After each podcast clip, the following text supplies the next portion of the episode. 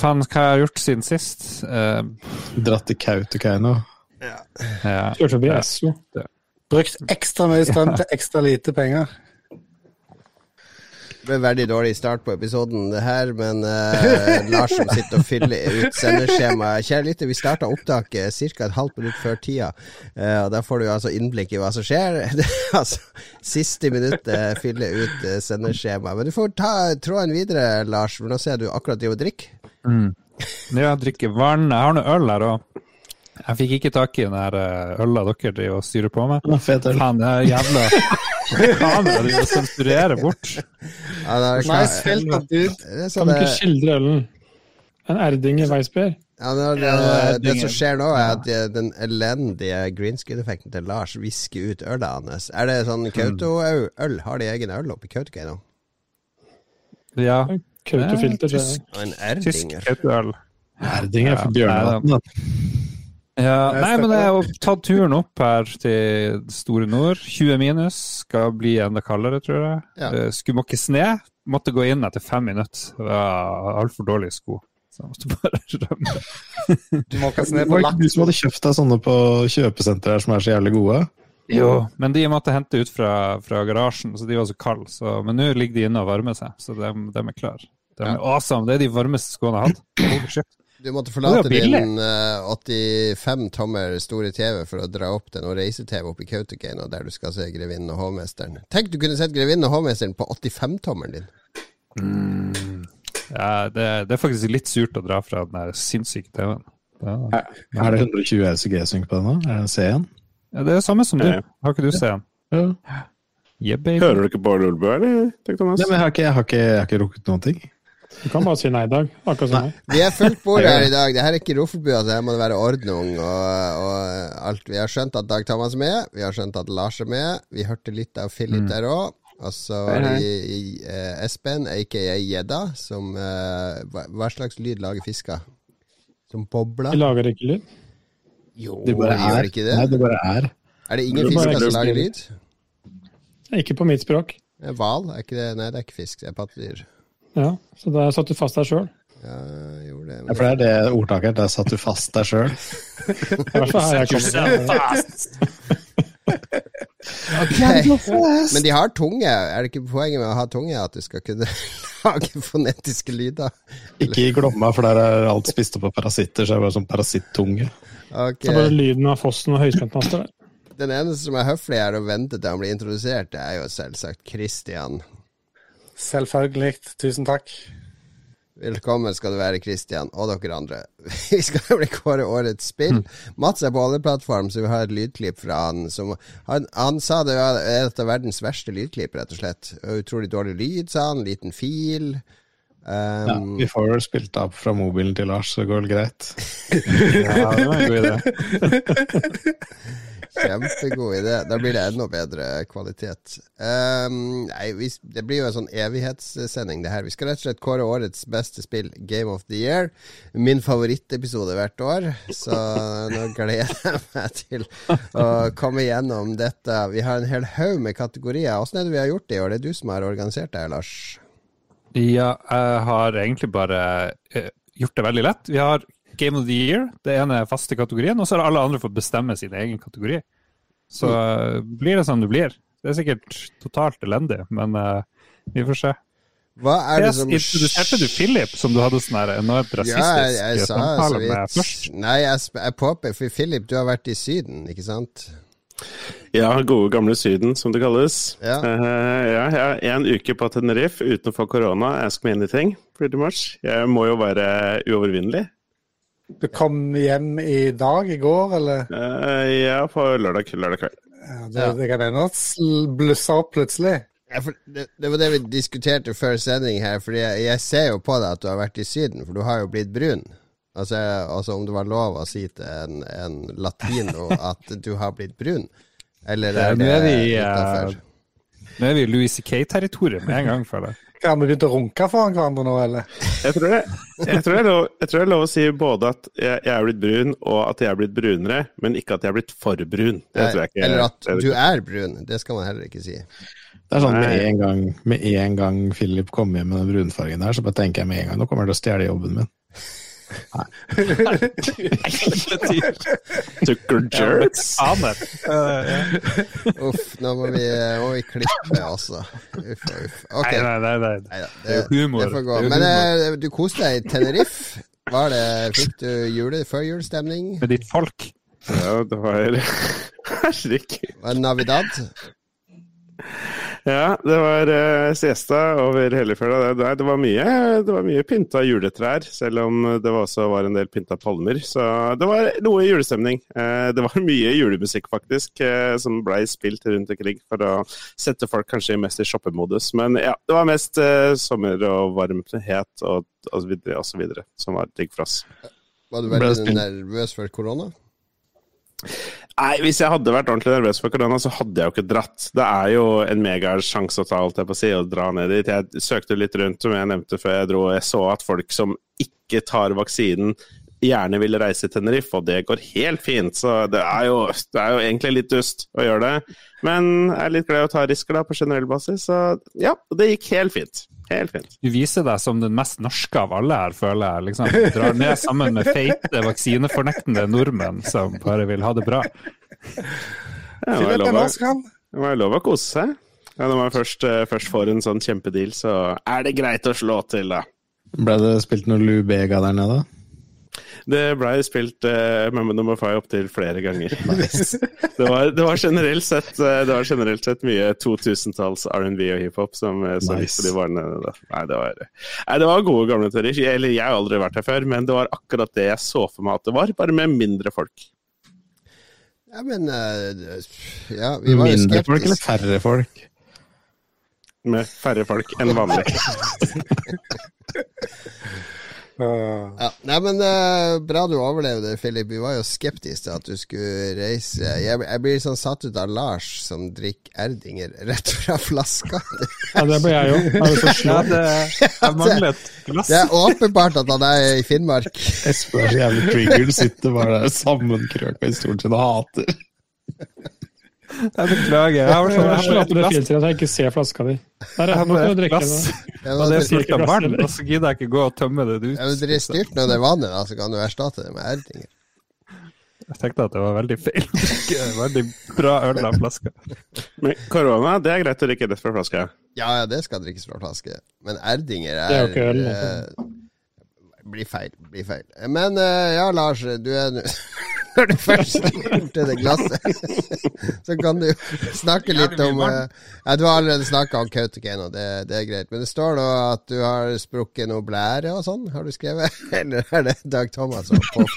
Jeg tror det er sånn her redigere andres linjerhumor.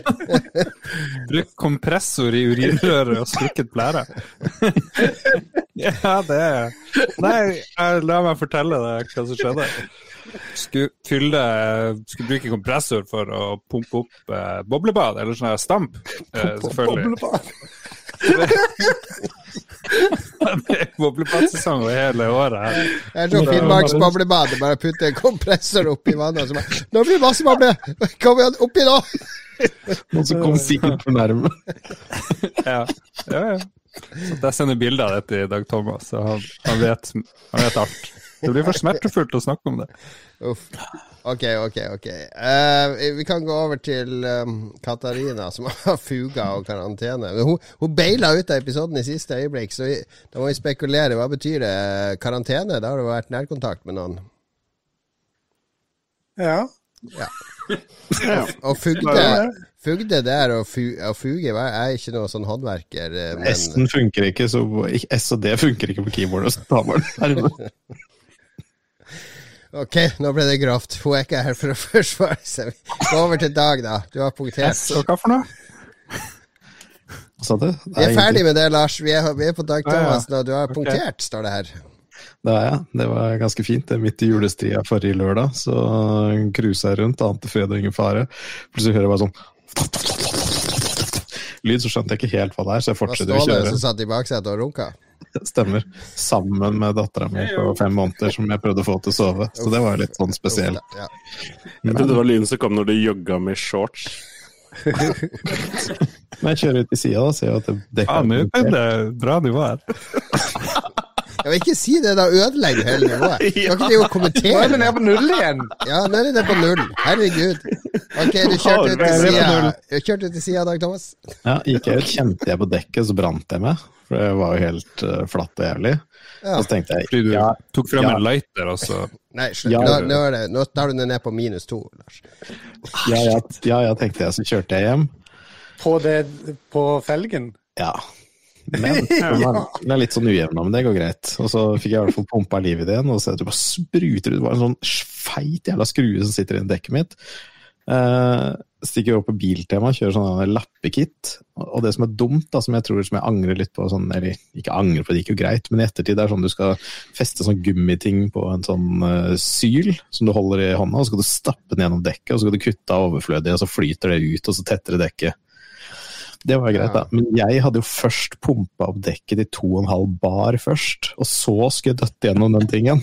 Jeg pressa så jævlig hardt. Jeg sto der og pressa og pressa. Jeg så bare begynte å blinke i synsfeltet mitt og holdt på å besvime, men jeg fikk den inn, da. Så det var, uh, Det var bra. det var en gladsak, egentlig. Og så har jeg For fått en er det badumtsj-greia til Christian. Ja, men den kommer jo om tre minutter. det, er ikke, det er ikke Jeg har det. slått av. Jeg har slått av. Enn så lenge. Men så fikk jeg jo samme TV som, uh, som, uh, som Lars, i litt sånn gettoversjon, yeah, da, siden det bare er 48 tommer. Ja, halvparten. Men jeg, ja, men jeg tenkte liksom, den her skal jeg bruke som gamingskjerm. Det må jo være sykt digg, Det tenkte er jeg. inn nå. Det er Vår venn Magnus Tellefsen nå har sittet oppe sånn 48-tommer rett foran keyboardet sitt. Her skal jeg sitte med nesa inni i skjermen. Ja, det er helt helt jævlig. Ja, det er helt. Helt jævlig. Altså, jeg har så vondt i nakken, jeg. Det sitter sånn her. Jeg sitter Som sitter på første, på første rad på kinoen, liksom. Ja, det er helt jævlig. Jeg er ikke noe fornøyd i det hele tatt. Men jeg er ikke fornøyd med en ultrawide den andre heller. Så er det, liksom, det er bedre format å spille i. Jeg tror bare to 27-tommere er min uh, forte. Men det høres ut som du ser for langt opp. Kan ikke du bare sette deg på gulvet? Eh, Eller noe sånt? Ser jeg enda mer opp? Nei, sånn at du ser ned. Så du sitter på en vanlig kontorstol, men så er Altså, TV jeg kunne satt meg opp, da, rett i ryggen og sånt. Men jeg liker ikke sånn holdning, så jeg liker liksom bare å sakke litt ned i stolen. Og da blir det sånn. Ja, ja.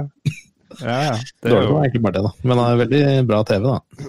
Ja, de sier jo Lordbeholdning. Den er jo egna til å spille på PC og sånne ting, men eh, jeg, jeg er skeptisk. Jeg, jeg, jeg holder meg til to 27-tommere har jeg her, og så bruker jeg den ultraviden til racing. Det, det er optimalt for meg. Er oppdatering fra min TV. Jeg satt eh, stol rett foran TV-en, skulle kose meg med Kina Bridge of Spirits.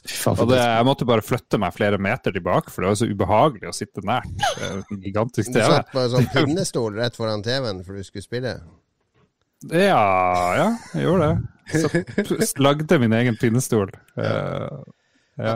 Men det, du kan ikke sitte så nært en TV, liksom. Ja, du kan ikke, det går ikke, liksom. Nei, nei, det er helt jævlig. Det er noe rart som skjer. Det er sånn sone foran deg som bare dytter deg tilbake. Så skriker du.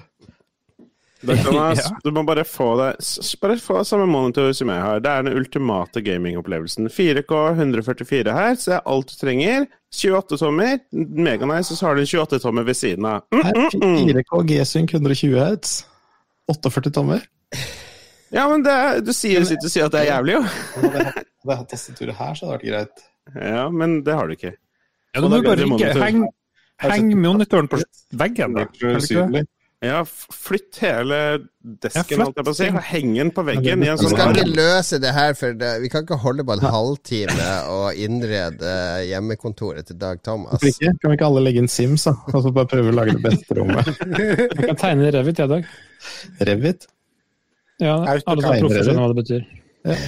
Vi har, vi har flere som skal dele. Jeg kan ta min. Jeg har vært eh, På lørdag var jeg sto på skøyter for første gang på 25 år. Eh, de er, det er mye sånn rause greier i Oslo, Fordi hvis du drar ned De har laget sånn svær skøytebane rett ved Frognerbadet, på Frogner stadion. Eh, og der er det basically bare et tonn med skøyter du bare kan låne gratis. Bare ligger sortert i eske på forskjellig størrelse. Det er bare å ta de skøytene du vil prøve, og så går du ut på isen. Um, så da fikk jo jeg Jeg trodde jo jeg bare skulle være med og se på ungene som har skøyter, men nei da, da, da kunne jeg skøyte, jeg òg. Så det, det var Vi lever i et sånn kommunistisk samfunn, egentlig.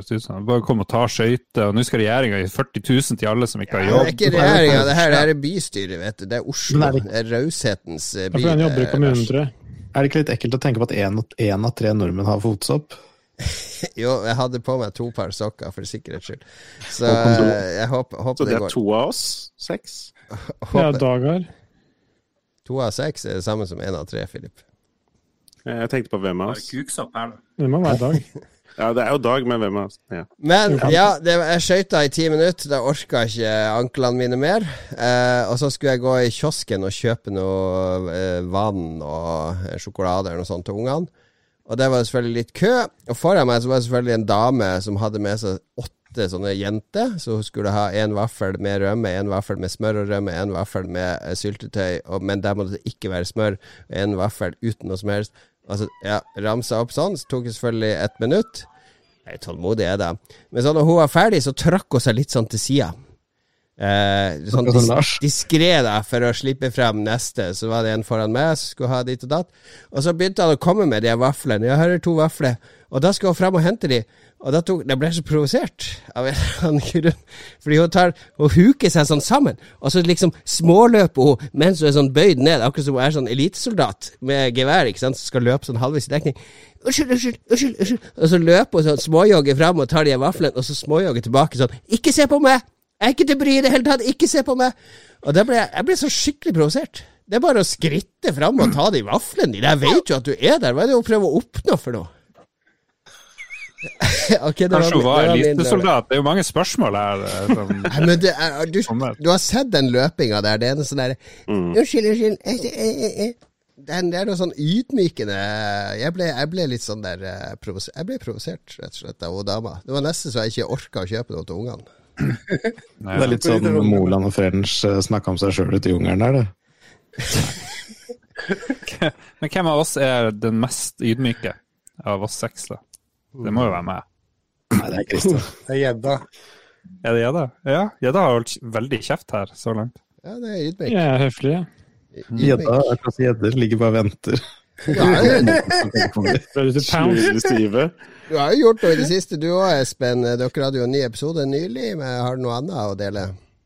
Jo, og i denne episoden, sammen med Tico, så snakka vi om litt juletradisjoner. Og da fant jeg ut at jeg ikke hadde noen særlig andre enn å lage jule. Eh, Men jeg har faktisk prøvd meg på å lage konfekt. Ja. Hjemmelaget konfekt. Det jeg drev med. Kjøpte meg noen silikonformer og leste masse internett og Det er noe rart du har sånn sexy fransk eh, bart, sier jeg bare. Ja. Det er, det er derfor jeg har den. Det er Da blir det fransk konditor. Altså, jeg, jeg har laga fylte uh, fylt sjokolade med, med salt karamell. Og støpt det i for Det er en ganske bra prosess. Det er sånn Du må varme opp sjokoladen. Den skal kjøles ned til 30 grader. Du skal fylle opp i formene én gang. Du skal ta ut litt av det. Så skal du i kjøleskapet en time. Så skal du ut til kjøleskapet. Så skal du ha karamell oppi. Det skal inn i kjøleskapet. Stå der en halvtime. Så skal det ut igjen. Så skal du fylle opp med sjokolade. Så skal det inn i kjøleskapet. Det er sånn her ut og inn Men tempererte sjokoladen da? Ja, ja. Temperer den til 30 grader, for da er den liksom passe Da er den flytende, men han er ikke så rennende, da. Så tar den ikke opp og ned? Opp og ned. Nei, sånn for å få den sånn at den ikke blir klissete når du tar på den. Den er ikke klissete. Snakker vi fremdeles om sjokolade? Ja, for det er han, for det er kjønn. Inn og ut til den er klissete. Det er Men bare du skal få se, Dag. Jeg har, jeg har litt av overraskelse til deg, så du skal, du skal få litt konfekt til jul. Mm. Kjøy, kjøy. Men i har hvert fall- Har du smakt på de, eller? Ja, ja, ja. Mm. Det er umulig å unngå det. De var jævlig gode. Det er umulig å unngå å smake sin egen konfekt. I hvert fall hvis den er klissete. Har du gitt den noen navn? Er det noen sånn egenart på det at de er liksom unike din? For når man lager egen øl, så blir det jo litt sånn Mm. unikt. Man kan sette sitt preg på det. Jeg vet ikke, kanskje dere kan finne på et navn? Jedalicious. Cumbatch batch number one. Jedalicious Cumbatch number one 2021. meg til de Ja, da, blir det det. Match nummer én. Jeg må skrive det på alle pakkene til svigermor. Og Nei, det er bare Dag som skal få. Mens vi, siden jeg ser at Christian ikke har skrevet noe gjort tenkt siden sist, skal jeg bare hoppe inn veldig kjapt. For jeg har en lang liste med historier fra Tenerife som jeg ikke skal ta nå. Men jeg, i, i, siden i frykt av å gå glipp av det Jeg var på et sånt riddershow en kveld. Jeg Det så jeg snap fra. Så ikke det sånn som det er i Cable USA? Cable Guy! Det, det er jo uh, Ja. Mm, sjukt artig. Det var akkurat det det så ut som, så vi dro ut dit. Og det var jo da sånne riddere som var i rustninger og med Hva er det heter for noe, disse lange tingene de stikker hverandre med fra hest? Går det an å se at de er Lanser. riddere hvis de ikke har vært rustninger? rustning? Lanser. Eh, vet ikke, men vi ble fortalt det, og jeg stoler på dem. Jeg er en godtroende fyr. Heter det Ja. Medieval Times, sånn som de har i USA? Ja, det er noe sånt. Ja, det, er det samme konseptet. Ja. Ja, ja, ja, samme konseptet. Og det som var litt toppen av kransekaka, da, det, var jo akkurat det du kan se for deg. Men det som var ekstra kult, var at hele, alle publikum var delt inn i to lag. Gult og svart lag, som var heie på forskjellige riddere, og så var det en storyline og sånne ting. Det var veldig artig. Um, og det som var litt spesielt, var at vi var på det svarte laget.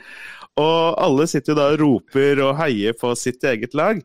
Og Nå blir vi, blir vi tatt av sensuren her snart. Ja, for, for dere vet hva eh, den svarte fargen eh, er på spansk? ja. Ja, ja, ja, ja, ja. Og det er unektelig litt spesielt å sitte der sammen med masse andre folk i en sånn der svart så ting som vi har fått utdelt, så vi skal alle se like ut, og sitte og rope dette ordet i takt så høyt vi klarer alle sammen. Det var en litt unik, eh, unik opplevelse. Som jeg kunne lov å si det. Omringa av folk fra Demokratene og Alliansen. Det er det første de gjør når de drar til Syden, det er å dra på den greia der. Skal være på svart lag, så jeg får rope det ordet. Du skulle, du, du skulle lagt henne til hjørnet hjørne og fått Gellaret til å filme deg på Snap. Som bare roper det chanter du ligger der og skriker og holder deg fast. For de som lurer, det er N-ordet da, som de roper. Ja, enkelt og greit. det som er, Ikke, ikke det fargen stygge N-ordet, men det som er, betyr fargen på spansk.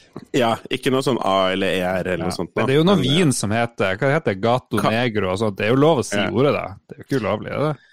Ja, nei, jeg, jeg tør ikke Den ta ledningen. den svarte katten. Det er sånn svart kattvin, er det ikke det? Jo, Kattvin. akkurat sånn. Svart kattevin. Kristian, du har ingenting å dele? Ingenting du vil dele fra ditt liv? Jeg syns den historien til Philip var bra stedfortreder for mitt liv. Ja, da sier vi det.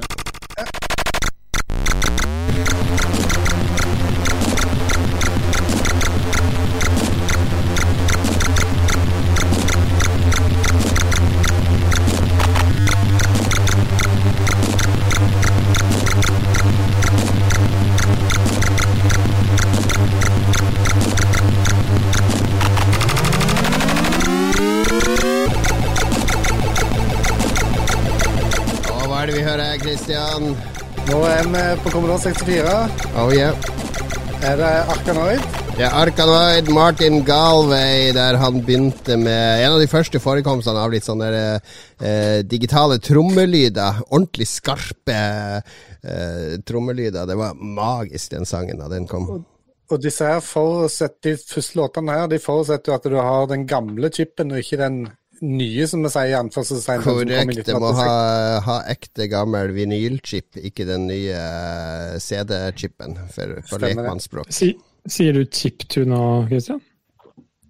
Chiptune? Ja? Det er ikke chiptune. Sier ikke chiptune, nei. Nei? Chiptune? Chips. Gjør du narr av chips nå, eller? Nei, jeg gjør ikke narr av noe. Jeg bare lurer på dialekta di. Det sånn, Husk at du er den ydmyke her.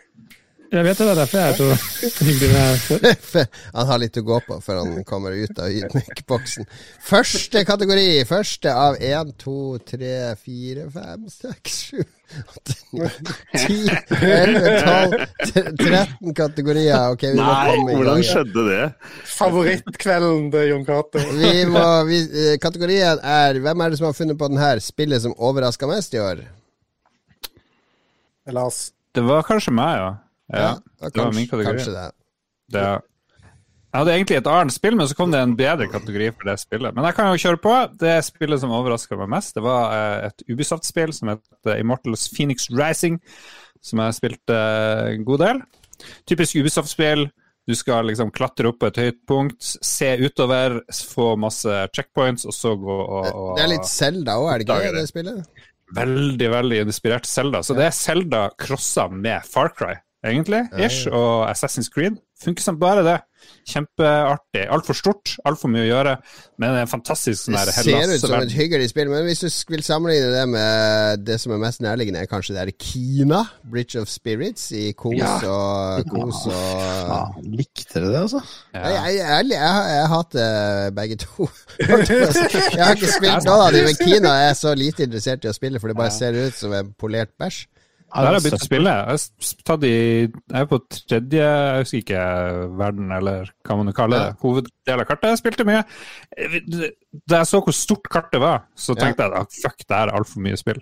Det her er alt for mye, Og så er det ikke så bra. Og du kan ikke traversere like bra som på eh, Kina, nei, hva heter det, Phoenix. Ja, liksom fly. Du kan ikke fly så mye med det der greia. Så, men jeg, jeg syns det er bedre enn eh, enn mange vil eh, mene, men Mange vil med det. Altså, det er jo, Ja, det jo vunnet masse priser. Det er jo kritikerrost. Ja, men alle hater det jo her. Men du syns det er bedre enn kritikken, det er det du sier? Altså, det er Eller bedre enn lokal kritikk her, da. Okay. Men, men det er ikke så Det er, det er jo ikke Dag Thomas, få motstemmen her i debatten. Ja, Motstemmen er det at liksom, ja, det er et superportert spill, grafikken er kjempepen, alt ser kjempebra ut. Og så kan du bare gå i en skog, gå bort til en stein eller hva som helst, så slår du den. Og så bare går sverdet ditt eller den dritstokken din rett igjennom. Det er ikke noe feedback, det er det, er samme hva du treffer, det skjer Det ingenting. det har ikke jeg tenkt på en en eneste gang når jeg spilte Og så er du på en boss, så kan du bare hoppe opp på de steinene, og så sklir du sånn rart nedover. Og så setter du deg fast, og så kan de ikke slå deg. Så kan du bare drepe dem. Det her har aldri, aldri skjedd med meg, så det er to utrolig dumme lava. ting. Så, så prøvde jeg, prøvde, jeg prøvde på sånn, hva heter det når du driver hopper opp på bygninger og hopper over sånn dritt og sånn? Par, Parkour. parkour, ja, stemmer. Jeg drev med parkour for å komme ut til en sånn kiste som lå midt ute under lava jeg sikkert ikke skulle få før 17 timer ut i spillet. Jeg kom ut, fikk den kista, kjempebra, skulle komme tilbake. Nei, det gikk ikke. Da datt jeg en sånn lavating, og da warper du tilbake til den kista igjen. Så jeg hadde ikke sjanse til å komme tilbake. Jeg måtte starte spillet på fuckings nytt igjen. Broke it! Jeg trekker tilbake min skryt, men okay, men- jeg holder på at Immortals Phoenix Rising Ja. overrasker meg mest i år. Ja, men det er, Jeg kan se den. den. Det kommer jo en DLC etter den snart du kan sjekke ut fra Ubisoft. Immortals NFTs Rising, der du kan Ok. Uh, Philip, hva var din store overraskelse i år? Min store overraskelse i år er eh, det første spillet som blir nevnt i år som ikke har kommet ut i år, men det er ikke noe vi bryr oss noe særlig om her til gårds. Bowsers Fury Ah. eh, kom jo ut sammen med dette Super Mario 3D World, er det det det heter nøyaktig? Som ble gjenutgitt nå på, på Switchen. Og det er jo et spill som i utgangspunktet er veldig artig. Eh, jeg, spilte, jeg kjøpte egentlig mest for å spille det igjen med samboeren, men Bowsers Men jeg har vært egentlig mest skeptisk til veldig mye Nintendo har gjort veldig lenge. Jeg syns egentlig de har ja, tapt seg Jeg orker ikke følge med på det jeg syns de er kjipe. Men Bowsers Fury er jo inni så helvetes forbanna bra. Og det er i eh, spillet som overrasker meg i kategorien, mest fordi jeg er overraska over at Nintendo klarer å produsere noe som er så sjukt bra fortsatt. Men jeg likte jo liksom ikke Selda særlig heller, så liksom, ja. Nei, det er. Det gjør det verdt å være pedo igjen, liksom, å bruke switchen. Exactly. Uh, jeg, jeg, jeg skjønner hva du sier. Altså, jeg husker når jeg snakka om det sist. Fordi Det føles som at Nintendo har sluppet løs noen eh, sommerstudenter med alle assetsene sine. Altså har de bare raska sammen en masse greier, og så har Nintendo sydd det sammen til et helhetlig spill. Det er, det er helt fantastisk kreativt. Ja, det er veldig, De har liksom kombinert det beste fra disse store 3D-marioene og eh, Galaxy på Wien, som egentlig var liksom små verdener eller egne brett som du gjorde flere ganger for å oppnå flere stjerner, eller whatever. Jeg husker ikke. Og det, det er liksom, ja, det er helt perfekt gjort i Bowsers Fury, hvor du kan utforske denne store verdenen, men har spesifikke utfordringer som er ja, ja, hvor De har altså tatt liksom ett verktøysett, og så bare lekt med det for å gi deg forskjellige utfordringer med det samme, samme type settet. Veldig artig. Jeg skjønner. Bra. Eh, din favoritt. Det som vi skal gjøre når vi har gått gjennom alle favorittene, da skal vi stemme. Da må dere sende en melding til meg på Discord og si hvem av de andre sitt spill stemmer dere på som vinnere. Ikke lov å stemme på sitt eget da, og så får vi da en vinner av kategorien. Eh, din overraskelse. Ja, min overraskelse kom ganske seint i år. og eh, jeg eh, det, det er faktisk en overraskelse. Jeg snakket med Dag Thomas på telefonen og sa at dette er spillet her, fy faen for noe drit. Dette, altså, dette er en simulator, og det tar like lang tid å gjøre ting i spillet som det gjør in real life. Og det er lawnmowing-simulator. Men hvem er det som har klokka inn 25-30 timer der? Jo, det er yours truly. Selvfølgelig. Og det, det var altså Det er så rart, for dette, det, det, det, det kan sikkert være sånn OCD-greier. For plutselig så får jeg liksom sånn Å, jeg må bare komme litt videre, så jeg kan utvide og leie inn en mann som kan være med og hjelpe meg. Og så må jeg bare utvide butikken min, og så må jeg bare Leie en mann som kan hjelpe deg å utvide. Ja, det, det er liksom eh, Det er et eller annet som, eh, som drar meg eh, inn i det Har du, har du spilt det spillet der du skal spyle hus reine? Nei. Det har jeg gjort. Ja, Det har jeg ikke. Det er, det er din gate, Christian. Det Ja, er det tror jeg jaggu meg det. Dette er iallfall Flipper, er det? Er det Hostflipper det heter? Jeg tror, ja, Der må du totalrenovere hus. designe det og sånn. Nei, nei, her skal du bare spille. er. Det er bare høytrykksspiller. Oh ja. dette, Nei, det dette det. spillet er òg faktisk det første spillet jeg har prøvd uh, på Xbox Cloud-greier. Power Wash Simulator. Det er det du skal ha. Det er mitt neste spill. Forskjellige typer høytrykksspill. kan oppgradere, kan spille hus og Wow. biler, og alt skal du spille rent. Er du det drepe folk Pass? med etter hvert? Jeg gleder meg til Kristian skal lage sitt eget spill. Det blir jo bare sånn her eh, OCD-greier. Det, blir- det sånn pallekasse-simulator. Vi tar Espen sin eh, store overraskelse i år. Ja, det er Diablo 2 Resurrected, det. Ja. Det er, det er, mest med det. er, det var som så overrasker mest, er at jeg fortsatt spiller det. Ja. Og Det kom ut i september, når det var, og jeg elsker det sjukt hardt fortsatt. Så det er helt utrolig. Jeg trodde ikke jeg skulle vare så lenge. Så Ja. Det kommer en snescooter i en oppkjørsel. Bare just saying. Du vet du er i Finnmark Thank nå. you. Prikk, prikk, prikk. det var, godt, det var godt å høre det. For å bevise for lytteren at han er i Finnmark. Og der kommer det tre reinsdyr og sannelig.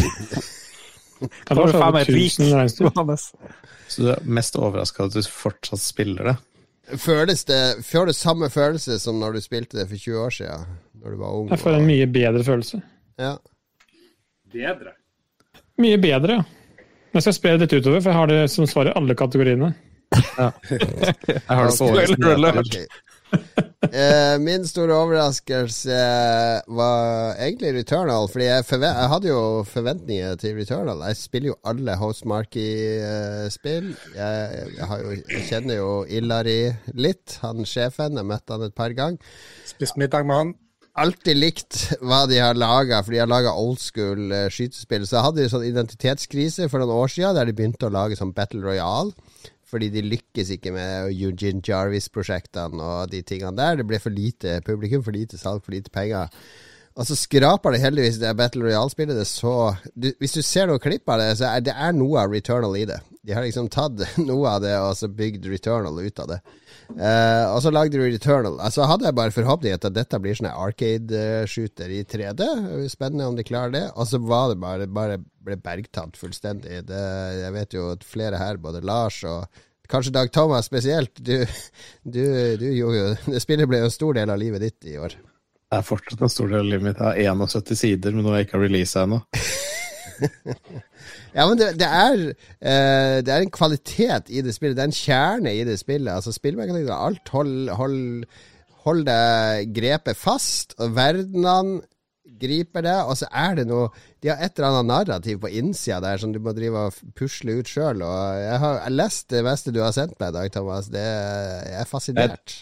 Ja, nei, altså, jeg tror det du prøver å si, er at liksom på en måte det Nei, nei, det nei. mytologiske laget Oh, no. forsterker på en måte den psykoanalytiske synet på et individs psykiske prosjeksjon på den ytre verden, så vel som detaljene ved Celines psykiske traumer. Hvis man noen tror at 71 sider er liksom fake news, så tror jeg det er 100% rett. For det her har Dag Thomas snakka med meg òg om eh, Ja. Nei, det er, er eh, Men jeg jeg ble så overrask, positivt overraska over at de klarte å lykkes komplett når de skulle over til 3D, third person, skytespill. Det, var, det er mange fallgruver å gå i for en sånn utvikler som uh, Housemarking, men de klarte seg. Jeg hadde det egentlig på spill som overraska mest i år òg, men uh, det var rett og slett for når jeg begynte å spille så spilte jeg noen timer. Janina satt og så på, og så syntes jeg nei, det er ikke noe spill for meg. nei, det syns jeg ikke var noe særlig bra. Men etter jeg hadde spilt det 10-20-30 timer, så ble det bare, bare sugd inn. Ja, og det, alle vet jo at man bør spille en 20-30 timer før man gjør seg opp en mening. Stemmer det? Ja, ja, ja. Kina Bridge blitt of spillet. Spirits. Det er derfor du ikke liker Kina ennå, Dag Thomas. Du har bare spilt det noen få timer. Det stemmer, det. Men har du, du, har du det som favoritt, eller skal du bytte til det Ståle-parodien du har tatt? Nei, jeg bytter jo, jeg bytter jo til uh, noe annet, så du har noe mer å stemme over. Du kan jo ikke stemme på ditt eget, så du kan jo foreslå hva som helst. Så lenge noen har foreslått Returnal, f.eks. Ja, det som er kult da med spillet jeg foreslår, det er jo Sea of Thieves. Som overraska meg mest i år. Og det som egentlig overrasker meg mest, er at i alle de andre åra så har det bare vært plain, du plukker opp noe, du dreper noen skjeletter eller hva som helst. Men i år så kan du være i slott under vann. Shit. Og det er ganske fett. Og de har liksom gitt ut fem sesonger med nye kostymer du kan kjøpe, nye papegøyer, nye skjelettaper. Og du kan fly rundt og gjøre akkurat det samme som før. Og du kan gå under vann, og ingen kan se deg, og plyndre noe slott. Og det syns jeg er fett. Helt utrolig. jeg. Nå får jeg lyst til å endre stemme fra Returnal til eh, Sea of Du kan ikke si hva du har stemt på, det er hemmelig. For nå skal alle ta og så Send meg en DM på, eh, på Discord med hvilken av de andre sine du stemmer på. Her renner det inn. Ser noen copy-paster fra Google-dokumentet. Ja, det var meg. Ja, den kan jeg ha. Hvor er du nå? Der, ja. Ventemusikk. Ok. Oi, oi, oi, nå renner stemmen inn her. Og nå oppdateres det i fortløpende tid. Vi ser at Returnal har fått to stemmer enn så lenge. Immortals Phoenix Rising har fått én. Bowsers Fury har fått to. Og da er det én stemme igjen, om jeg ikke tar heller helt feil, og den Det betyr- Lawnmowing Det Simulator. blir, det blir delt seier i år. Altså, de to spillene som overraska mest i år, de får dele prisen. Det er da Bowsers Fury og Returnal er de første vinnerne i Lolbua sin Game of the Year. Gratulerer. Gratulerer, Nintendo!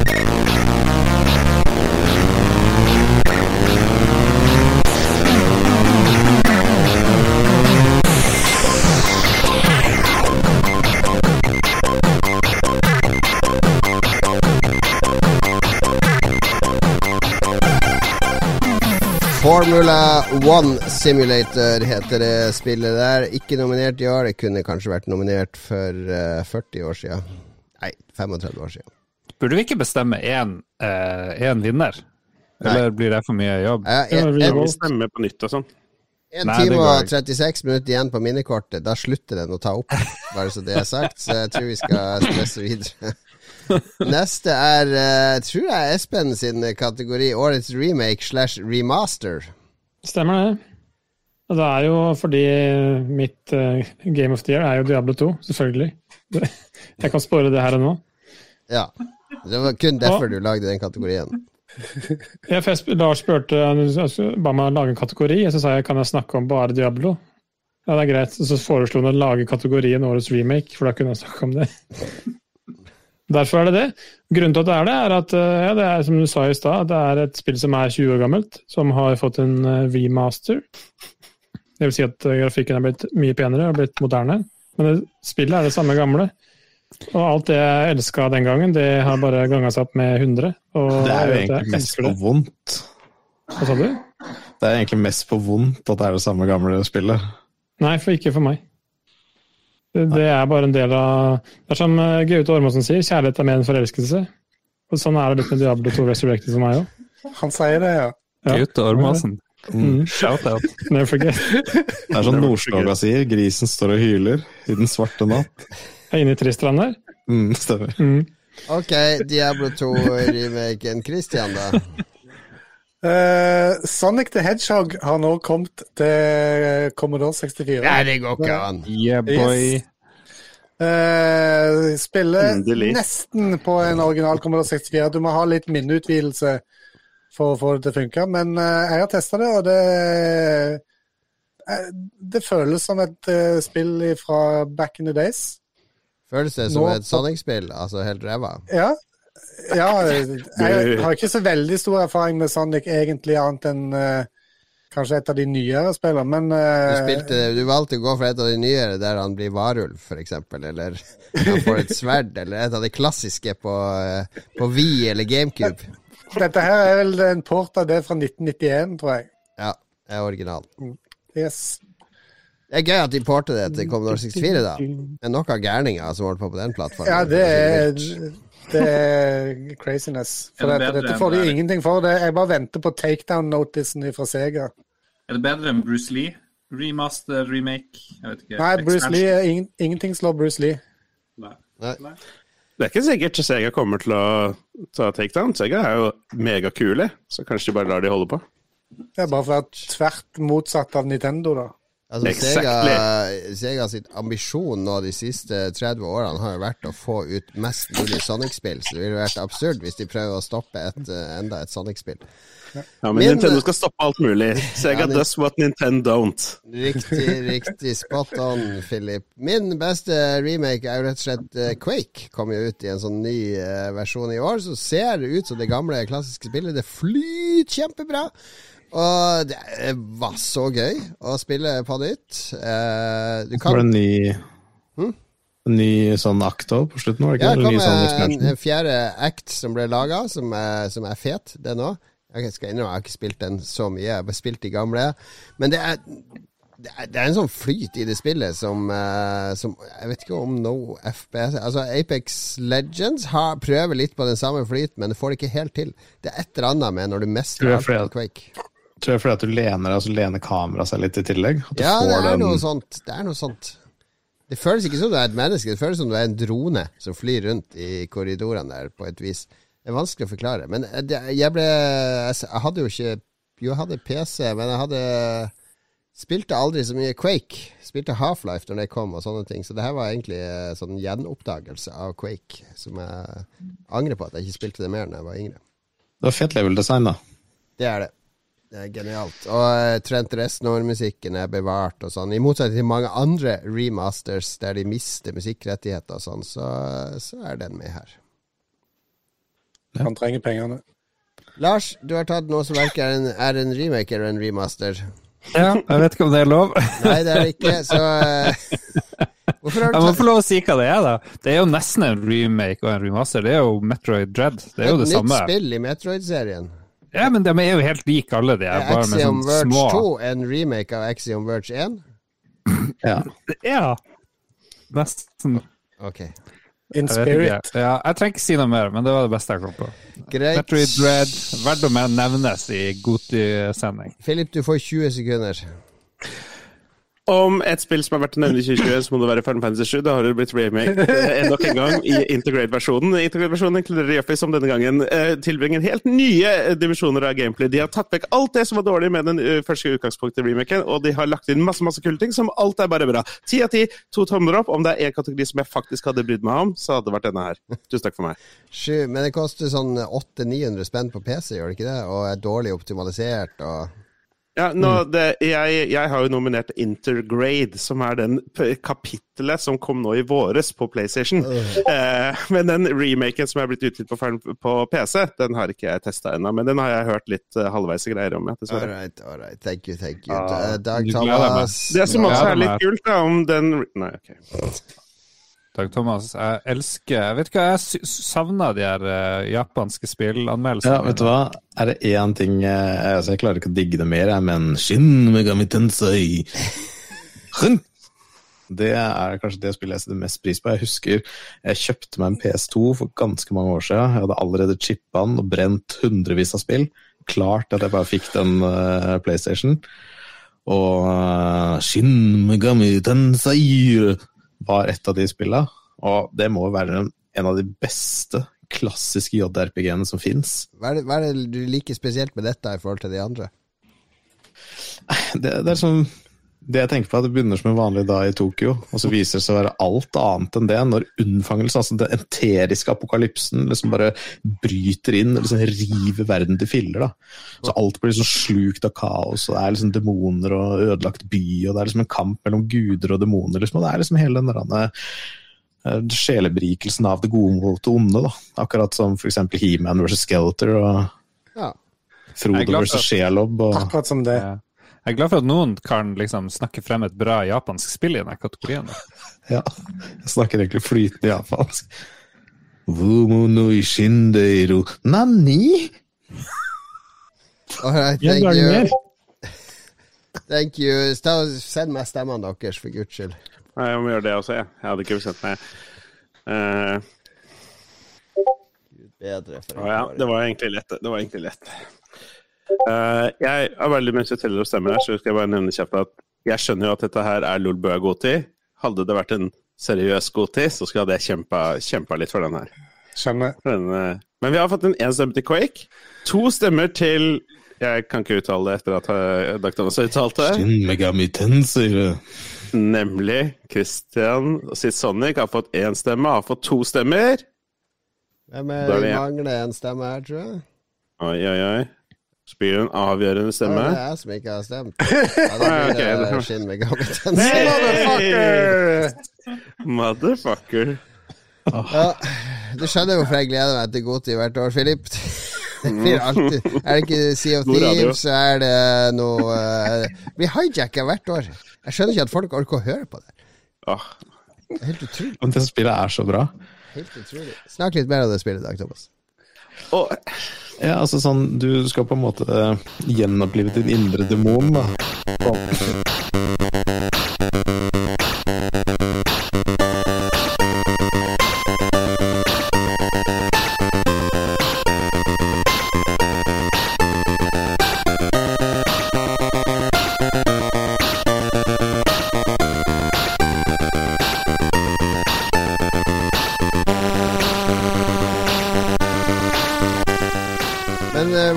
Mange demoner sa du det var i det spillet, Dag Thomas? Altså, det er jo demoner mot eh, engler, på en måte. Altså Det Ja. gode mot det onde, så er det masse. Artig, artig. Men nå er det noe helt annet. Nå er det Årets grill. Hva er det for noe? Er... Grill of the Year. Det er, min, det er Lico sin kategori, egentlig. Men han, Er det streamingjente? Nei, det er faktisk en grill man griller kjøtt på. Ja, samme prinsippet. Det kan være dine ord. Vi uh, Ok. Jeg vet ikke hva jeg skal kan gjøre. ta hva det er. han var ta vekk, Philip har jo lagt ned et spill der. Ta vekk det, og så vinner gjedda ja. den kategorien. Vi må høre litt om- fortell litt om fordi- din Large Sportsmans L410. Ja, fordi Årets grill, ifølge Likos univers med gjedda, som er uh, min og Runes podkast, det er jo da selvfølgelig den grillen du nettopp nevnte. Cast Iron Sportman's Grill fra Lodge. Og det er en uh, kullgrill. Den er i støpejern. Den, er, den veier 20 kilo. Den er bitte liten. Det er sånn hibachi-grill, sånn som kan stå på bordet.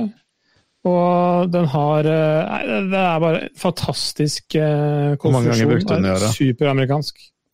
Hva sa du i dag? Hvor mange ganger brukte du den i år? I år? Ja, Kanskje 15 ganger? det wow. er ikke dårlig, det. Jesus Christ. Har du grilla mer enn de 15 ganger? Ja, ja, det har jeg. Jeg har jo, jeg har jo 15 griller, ca. Så 250 bytte på kroner det. gang du har brukt den, da. ja, stemmer. Men det som er fint med grillen, er at etter du har grilla, så kan du ta grillrista, så kan du fylle med ved, og så kan du ha bål på bordet utover kvelden. Og det er kjempekoselig. Det er koselig. Så derfor er det Grill of the Year. Jeg trodde hele episoden handla om det, men det er- er derfor jeg tok med den kategorien. Kjære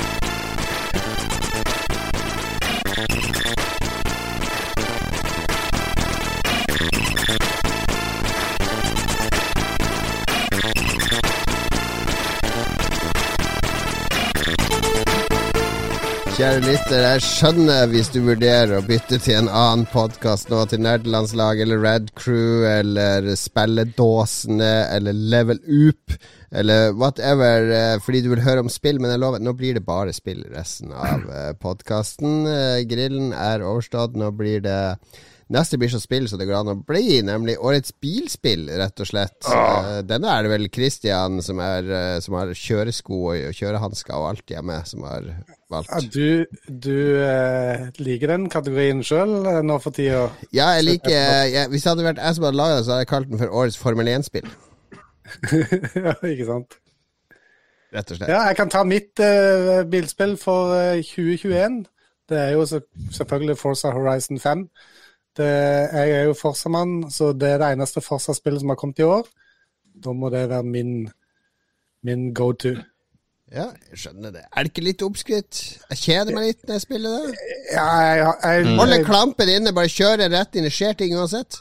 Uansett hva jeg gjør, bare dukke opp ting, gjøre, få poeng for alt. Det er Jeg har fått valuta for pengene, for å si det sånn, men jeg, jeg har ikke spilt det på eh, en god stund nå. Jeg har på en måte spilt ifra meg, kan du si. For jeg føler det er sånn over, Det er som, som et så stort sånn der koltbord, koldtbord der det er bare godteri og sukker. Altså det, det er ingenting sånn der kjøtt eller salt eller substans. Det er bare sukkertøy, godteri, hele tida. Det er et bilspill lagd for de som ikke liker biler. Ja, nettopp. Men Sånn du, du du liker jo biler, da, så hvorfor liker Ja, du det? ja, men, ja, men altså, det fenger jo litt for de som biler, liker biler òg, men ikke i samme grad som simulatorspill, syns jeg. Nei. Da er vi enige. For jeg har jo, kjører jo full simulator her. Jeg kjører jo Formel 1 2021, så jeg må jo velge det. Selv om EA nå har kjøpt eh, Codemasters, var litt skeptisk til det. Men årets spill er, eh, er, er nok det beste som har vært hittil. Veldig god fysikkmotor. eh, Det, Det er vel det eneste. Formel 1 du har spilt òg, er det ikke det? Ja, du har også iRacing, har noen sånn Formel 1-greier. Men det, det er så mye styr å kjøre iRacing, for det er abonnement, og så må du kjøpe tilleggspakker og sånne ting. Men eh, ja. Har ikke Christian litt info om Codemasters han kanskje vil dele? Noen fun facts? Jo, det ble starta Darling Brothers, er det det du vil fram til? Stemmer. De lagde mange simulatorspill på Commodore 64, BMX-simulator og masse greier. ja. Det var vel å strekke simulator litt langt og si at det var Ja, ja. simulatorspill, men Det var top down eh, Lagde de 4D boksingsimulatorer? Å, 4D-boksing var bra, ass. Det var nice. Det er gamle, ass. Men eh, ja, eh, resten her er jo bare fjås. Eh. Lars, vi trenger ikke å ta med Horizon Zero Dawn. Det er ikke noe kjøretøy i Horizon. Zero Dawn. Det er en postapokalyptisk versjon av Førse. Det sier jo navnet. Jeg Takk for det er- Ok, Mario Kart 8 har du skrevet, Philip? Jeg måtte skrive noe. Må ikke skrive noe. Jo, det må jeg. Du må ikke rekke opp hånda i timen med mindre du har noe å si. Har du møtt meg? Er det ingen kjøretøy i Diablo 2? Ikke foreløpig. Nei, men spiller jo alt Forsa her. Ja, faktisk her. Det er faktisk et spill jeg har spilt. det er vanlig Forza Racing. Forsa 1? Forza Det er det nyeste som har kommet ut nå. Ja, Horizon 5, da. Jeg har, jeg har tuna en Volvo 244, eller hva det er, for noe så jævlig hardt. Den har, den har så mye hester, det. Så jeg kjører rundt og koser meg med den. Det, er det den der du kjører i Mexico, eller er den der du bare kjører på bana? Det er Mexico-greiene. Ja, ok. Ja, der er Ja, Forsa. Jeg kjører Volvo, Ja. Volvo 240, og så hører jeg på Eddie Medusa på Spotify, og så koser jeg meg. Akkurat som i barndommen. Art of Rally, da. Dag, eh, det er litt artig. Art of Rally var litt kult. Det, det beste med det er egentlig bare det at det eneste storyen du får, er en buddha-figur som spør deg om blodtypen din, og så er det bare å gønne på å kjøre. Ja, det føltes greit. Det var litt sånn, eh, litt sånn halvdårlig elektronika, men litt fengende å høre på likevel. Forferdelig motorlyd, og bare dure på cruise gjennom og litt rally. Ja, bilene føltes litt forskjellige, og det var koselig i 97 minutter. Top Down Racer, for de som ikke har eh, spilt det. Nei, det er bare å sende meg stemmene deres, eh, folkens. Ja. Hva det står mellom egentlig? Det står mellom Forza Horizon og Formel 1. Jeg føler ingen kommer med sånne enorme forsvarstaler for sine Nei, spill her. Men greia Problemet for meg er at jeg liker jo ikke eh, sim-racing-spill, realistiske bilspill i det hele tatt, så alt er jo dritt. Ja. Fikk vi inn det, ja. Det var koselig. Alt er kjempefint for sin det- Terningkast fire for de som liker det. Slags. Sånn, ja, nå renner det inn stemmer her. All right, vi fikk to vinnere igjen, eh, sannelig. Det ble eh, F1 2021 og Art of Rally stakk Det er av det. med seieren. Ja, ja, men det, da har du både simulator og så har du top down arcade racing. Blir ikke bedre enn en, eh, det, folkens.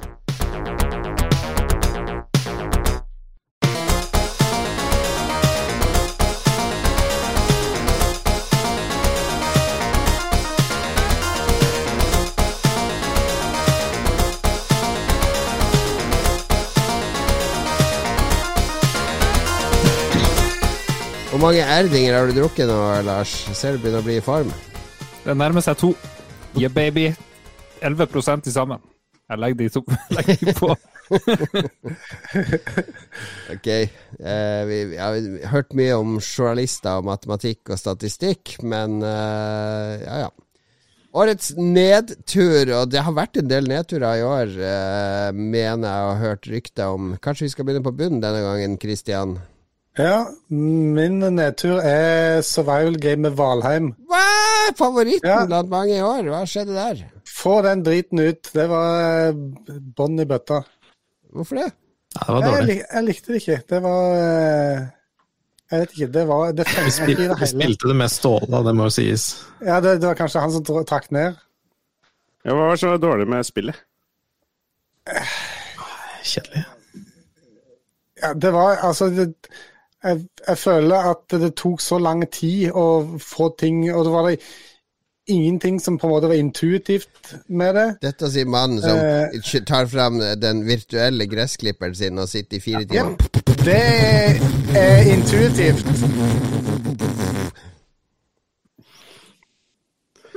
Neste. All right, all right. Det er Litt sjokkerende eh, årets nedtur der, da. Men Dag, eh, din eh, nedtur? Ja, nei, jeg forsto hånda i starten av april, så jeg kunne ikke bruke noen kontroller eller keyboard. Så det endte med at jeg ok, da får jeg prøve å spille noe helt annet. da. Så jeg kjøpte og lasta ned Before Your Eyes. Ok. Eh, Det kjipe var at jeg hadde fått sti på øyet òg, så jeg blunka som et helvete. Og der er det sånn at du styrer hele spillet, og så er, kommer det sånne sekvenser du får se. da. Altså Det er akkurat det er rett før du dør, og så får du se hele livet ditt flashe foran deg, men hver gang du blunker, så går du til neste scene. Så jeg spilte i sju sekunder, og så kom credits. Så jeg var så sjukt skuffa. Snakk om Men det, det er et spill som du styrer med å blunke, liksom? Ja, du har webkamera. Be- Altså, sånn, du, du, du spiller det med webkamera. Before your eyes heter det. Så du sitter der, og så får du se ikke sant? Det er akkurat som en visuell novelle. og liksom sånn, Står folk ved senga di, og stakkars deg, og en katt som kjører rundt på noe vann og noe drit, og du tegner noen malerier og noe greier. Og hver gang du blunker, så er det liksom sånn det skal liksom lære deg at du får bare spilt spillet én gang, og så får du bare sett livet, du får gjort livet ditt én gang, da. Ja. Og hvis du blunker, så har du altså gått glipp av det. Sånn som det er med barn som vokser opp alt mulig blunkere, så har du gått glipp av det. Ah. Så jeg hadde jo sti på øyet, eh, så jeg blunka som faen. Jeg klarte ikke å holde det. Jeg prøvde å holde opp øyelokkene og trodde jeg blunka da.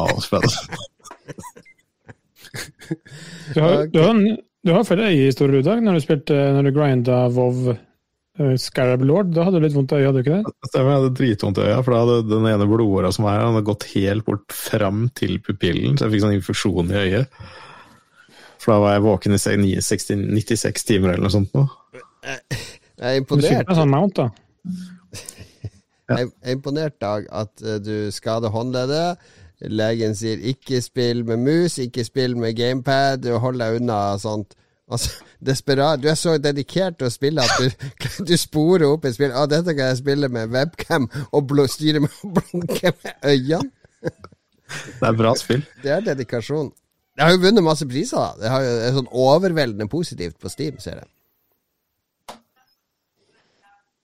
Ja, bra spill. Uh, Årets nedtur. Årets nedtur. Espen, vi er tilbake i, på grillen, eller er vi i Diablo nå? Diablo, selvfølgelig. Ja. Fordi nedturen, eneste nedtur med Diablo, da, som jeg vil si er den beste remaken siden WoW Classic, og er eh, mor til WoW alle Classic en bra re Er det WoW Classic en Jeg vil jo si det når den fortsatt eksisterer, det er mange spillere. I hvert fall så er det køene som var i starten for å komme seg inn i spillet, var ganske insane. Så den der server-issuesen der var litt uh, forferdelig. Ja. Og når man liksom kom hjem fra jobb og gleda seg til å spille spillet man elsker, og man måtte, måtte sitte en time i kø, da ble man litt sånn eh, demotivert.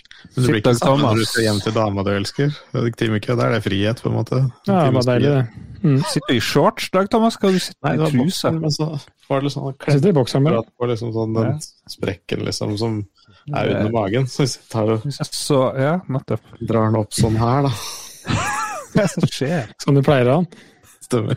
Lars, Så ikke, ikke start sånne greier, Lars. Det sporer av. Ja. Det sporer av. Ikke se Ja, så mye på skrittet til Dag Thomas. Nei, men tidligere, da han, før han putta på det filteret som bare blør ut rommet, så så det ut som han satt på sånn her eh, rape-hotell-greier. Hva er et rape-hotell? Er det noe de har en da? Kautokeino? tankene dine du huset hans? Kan gjøre med Rune Fjell, da. rape-hotell, bra rape-hotell har du vel overalt. Ok, eh, Philip, eh, vi trodde Christian hadde en kontroversiell Vær stille i bakgrunnen her, unga. Vi trodde Christian hadde en kontroversiell mening, men her kommer den virkelig kontroversielle nedturen. Ja, altså dette PlayStation 5 var en stor greie i, i år. Demon's Souls var en greie som fikk masse hype. Stort, spilt, kult, bra original, kul remake, ser dritfint ut og sånne ting. Men det er fortsatt jævlig vanskelig. Ikke bare er det jævlig vanskelig, men det er så jævla urettferdig også. Og jeg skal slutte å grine over det til den dag jeg dør, sikkert. Men i tillegg til å gjøre det, så er det litt utdatert eh, på noen måter som gjør det liksom ek litt ekstra kjipt. eh, Avstander mellom disse bonfires og sånne ting. Og jeg var så innstilt på å spille gjennom Demon Souls. Fordi jeg syns alle Souls-spillene er kule, men jeg har aldri fullført noen av dem. Men nå hadde jeg liksom Det ser dritkult ut, nå skal jeg sette av tid til dette her. Og så kommer jeg et stykke, og så bare mister jeg for mange sjeler og for mange timer progresjon, og så bare orker jeg ikke mer. Jeg tror 90% kommer til å føle det sånn, som spiller spill der. For det er sånn exactly. du sier, lengden mellom bonfires er helt forferdelig. Så hvis du ikke veit hva du går til, så blir du ja, kommer du til å bare altså bare dra tilbake forhuden, bare dra.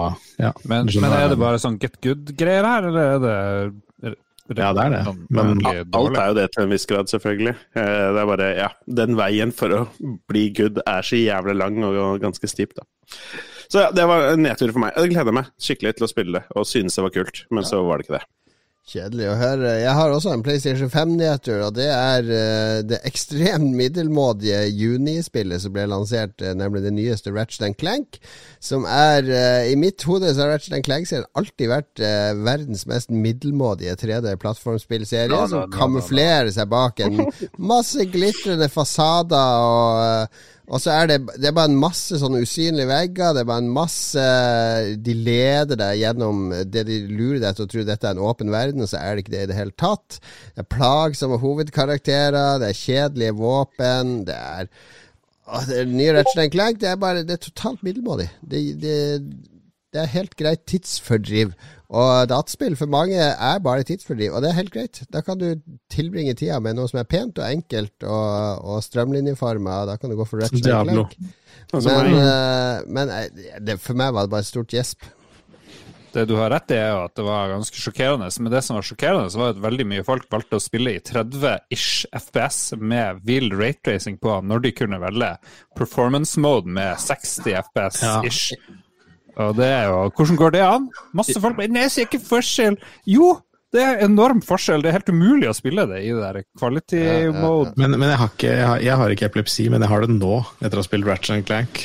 Det var så mye partikler og lys og det så ingenting som skjedde på skjermen. Det var bare dritt. Det er sånn overdose. Det er sånn, akkurat som Forza Horizon 5. Det er sånn godteri. Godteri, godteri, godteri. godteri Ikke noe substans, ikke noe kjøtt. Mens Demon's Souls det er sånn her ren eh, Jordan Peterson-diett med bare, bare kjøtt. bare kjøtt og potet, ingenting mer. Så eh, det går an å finne en balanse, kjære spillskapere. Lars, du har funnet en dårlig balanse, du òg. Ja, det er elendige og provoserende Dungeons Dragons Dark Alliance, som jo er en sånn Jeg husker ikke hva det heter. Gammel Gate Dark Alliance? PS2-klassiker. Ja, det het vel Baldur's Gate Dark Alliance og var veldig Ja. kult back in the days. Fin coop, uh, sånn her eh, ADHD eller Dungeons-sak. Du er helt ferdig, du må spille online. Det var helt grusomt, spilte det sjøl. Jeg har ikke lyst til å spille med fremmede folk over nettet. Det var ikke local coop engang.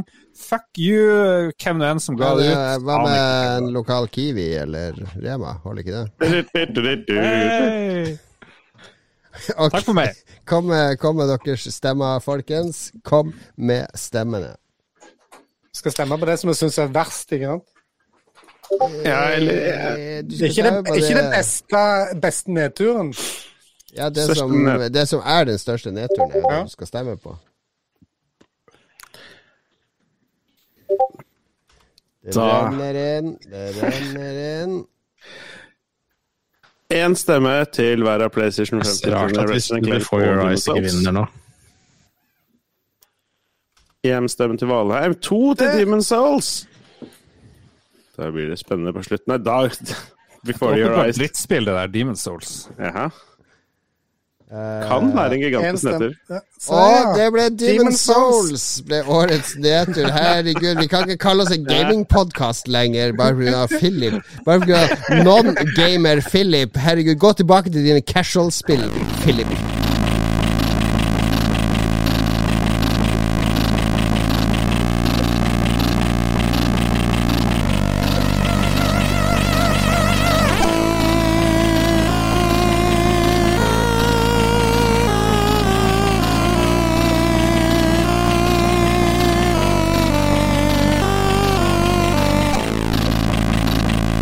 Knucklebusters fra Rob Hubbard, eh, der utgitt av Melbourne House, eh, kjente australske spillselskapet. Si et annet spillselskap fra Australia, Lars.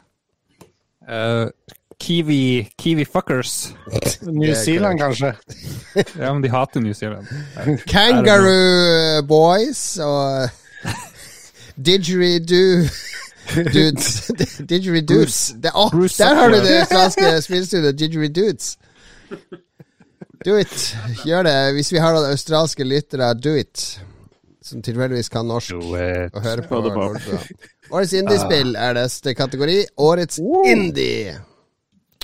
holy fuck, for en sending det her er, altså. Vi må ja. Top notch. Men Dette her, er jo det, dette her er jo bra. Dette er jo den kategorien som sannsynligvis har den beste samlinga av spill av alle kategoriene vi, vi Nei, nå kom det en Fallout 76 her. Jesus lord. Det var Dag Det Thomas. var eh, seriøst et lite øyeblikk. Vi, vi begynner på Christian her. Ja, jeg nominerer Encodia, som er en eh, 2,5D point and click. Proppfull med, med Commodore-referanser og Ja ting og tang. Sånn eh, sci-fi-aktig fremtidsgreier. En Kodja. ja. Ja. Veldig bra. Min nominerte er Nå må vi slutte å tulle. Lars. Nå må vi slutte å tulle. Nå er, det, nå, nå er den erdingeren uh, rundet inn i sendeskjemaet her. Eh, min nominerte er norsk. Det var et indiespill som eh, egentlig skulle spille av sånn plikt, fordi vi skulle Vi hadde det i spillklubben, og vi hadde intervjua han som lagde spillet, eller du hadde intervjua han, Lars. Fordi det er sånn soloprosjekt, en, en norsk dude som aldri har laga spill før, så bare ja, jeg lærer meg Unreal Engine, for jeg har, har en god idé. Og så har han laga sånn her 15 timer langt førstepersons uh, skyte-adventure-spill. Eh, som minner litt om Quake og de gamle klassiske der, og Heksen og sånne ting. Og så bare helt magisk. Det, altså, det er så amatørmessig mye av det, men det henger på grep. Det griper deg, det er crappy modeller, det er mye, mye som er sånn hjemmelaga og snekra sammen. Men herregud, for en stemning, for en level design, for en ambisjonsnivå.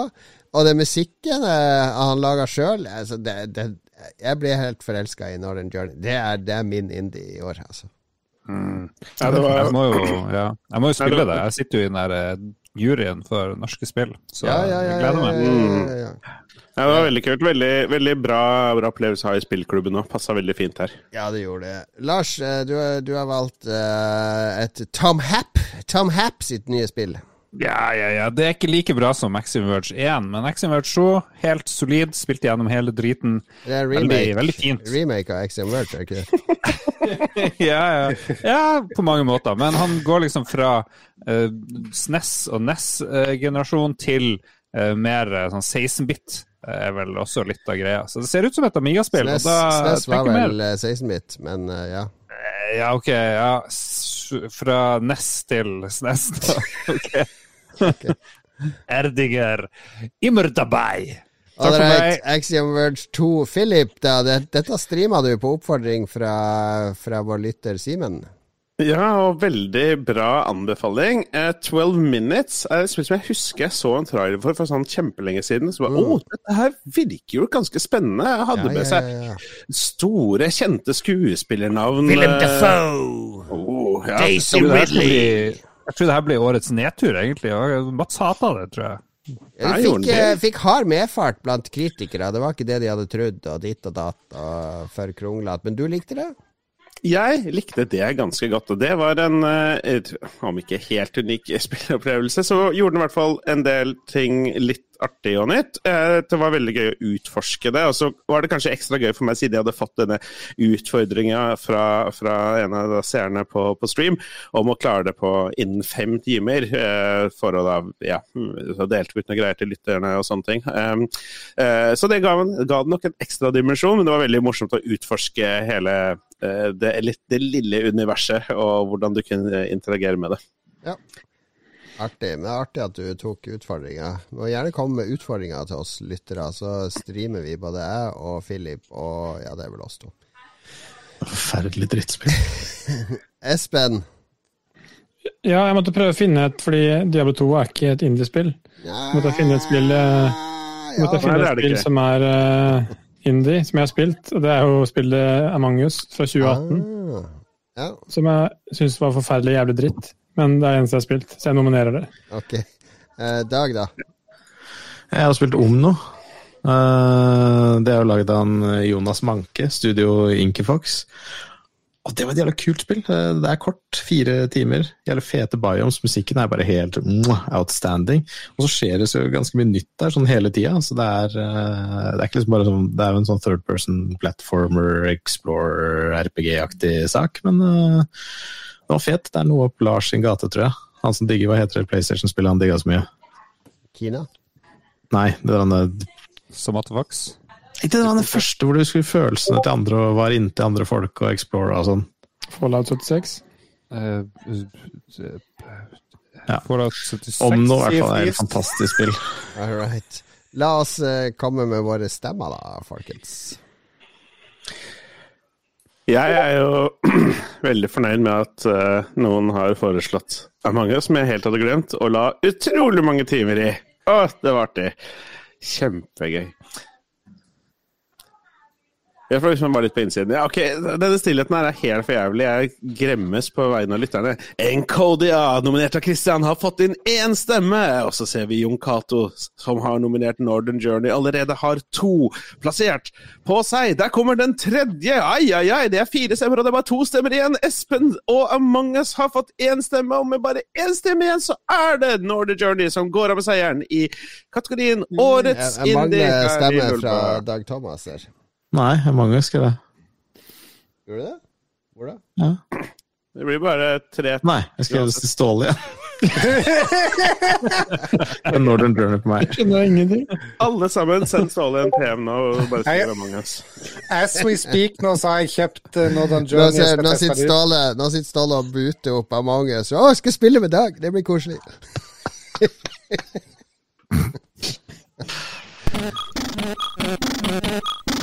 Thank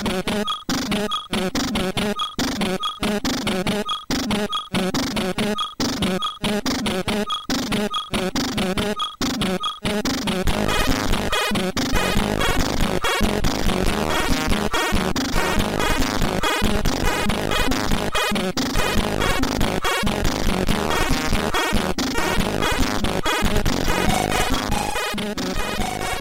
Uh, det var Hubbard her som tolker Shamishal Shah Zuluk, uh, rett og slett. Uh, nå er vi uh, Vi er ikke halvveis, cirka.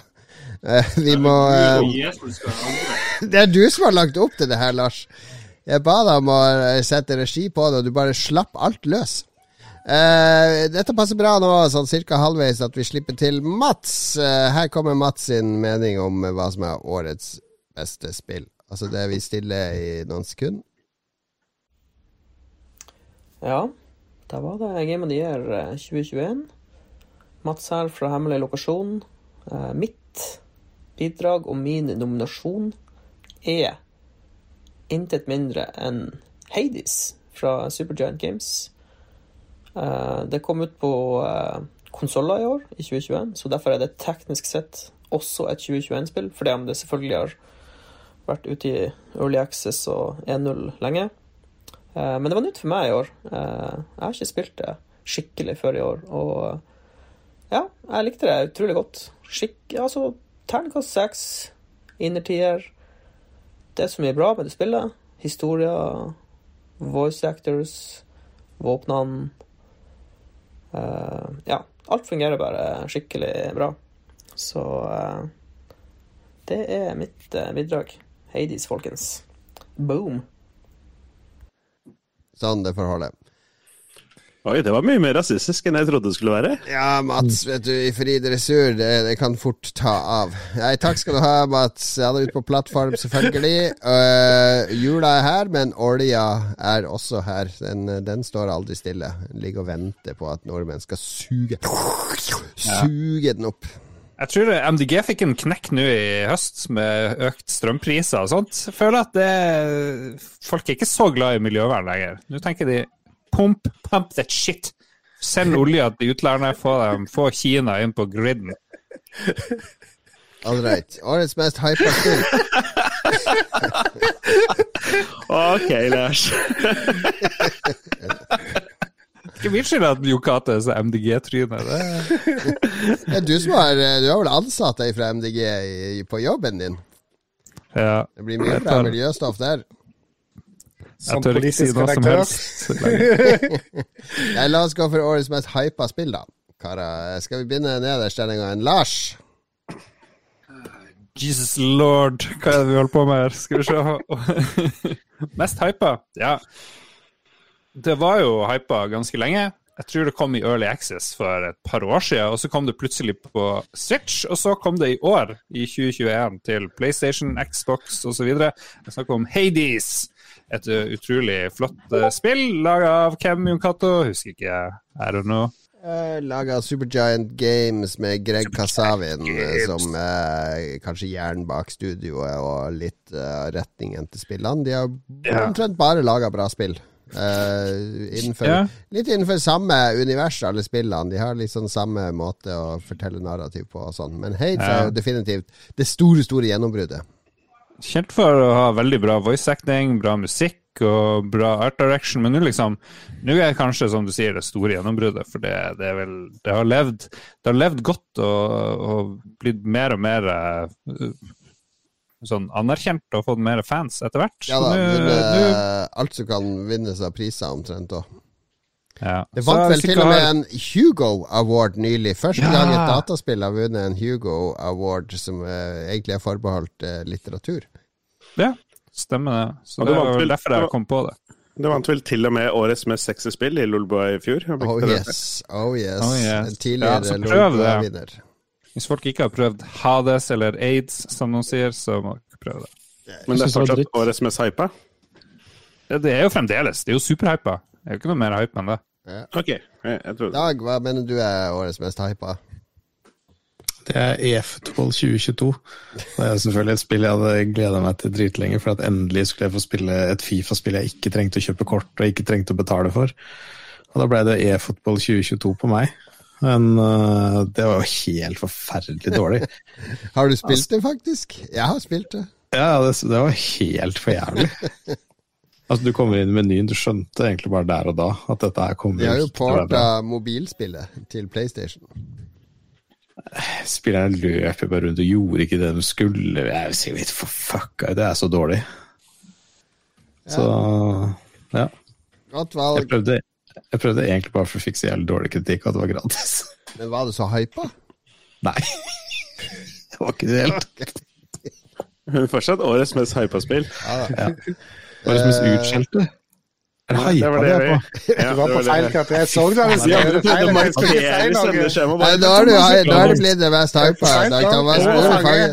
Er er? Jepp. Gjedda. Espen?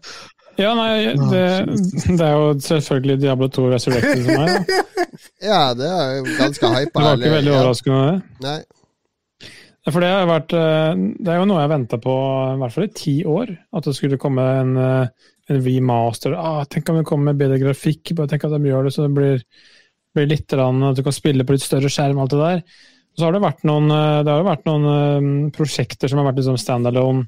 Project Diablo 2 er jo fortsatt veldig bra Kall det en, eh, en mod da, som har, har vært eksistert. Så har liksom de implementert det inn i Diablo 2 Resurrected igjen. Og da er det sånn, det er den hypen der. Jeg gleder meg så sjukt mye til det spillet. Da kan jeg bekrefte at jeg har gjort det. Men altså, når det endelig kom, så var det bare alt jeg forventa av mer. Og så bare, jeg bare koser meg til evig tid, tror jeg, med det spillet. Jeg trenger ikke noe mer. Det er herlig å høre. Hva med deg, Philip? Nei, altså her skal et spill nevnes som har vært nevnt i tidligere kategorier. Eh, Det er Returnal, som er årets by far mest hypa spill, av Lars, av Dag Thomas, av Jon Cato, av en hel haug andre. Og det er ikke så bra som alle skal ha det til. Det er ikke det er så jævla kul. Det er ca. 70 og en halv side for mye skrevet om det spillet av Dag Thomas alene. Og det er eh, Ok, det, det har en del kule ting med seg. Det, det skal ha det. Men jeg, ok, og så er det kanskje noe med at jeg åpenbart er jævla dårlig spiller, for jeg sleit med liksom progresjonen generelt sett. Men Det er, er bare Og jeg er kanskje ikke fan nok av rogelike spesielt, men selv for en rogelike å være, så kan Bare se på Hades, da. Det kan gjøres eh, hakket mer fantasifullt og hakket mer variasje, variert enn det det, det gjøres i, Jeg tror, i Returnal. kan, jeg tror vi kan dra paralleller med det her og årets nedtur, som var Demon's Souls.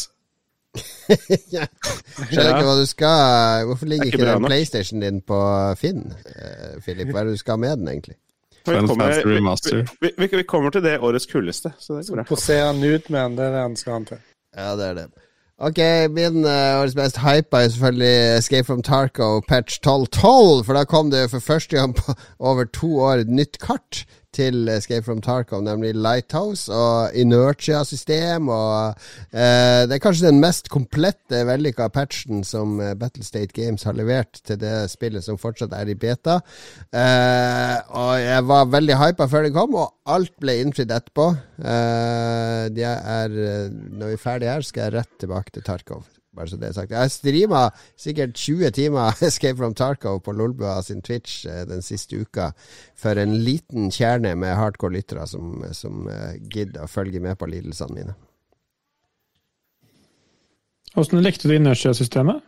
Jeg liker det bra, fordi jeg kan ikke sånn Twitch Jeg, jeg kan ikke sånn AD-spamming. Altså kikke ut bak et hjørne i 0,1 sekund og skyte en kar i hodet, og så tilbake. Sånn frem og tilbake. Sånn at for meg så krever at folk er mer taktisk. Du kan ikke bare stikke hodet frem bak et hjørne og tilbake.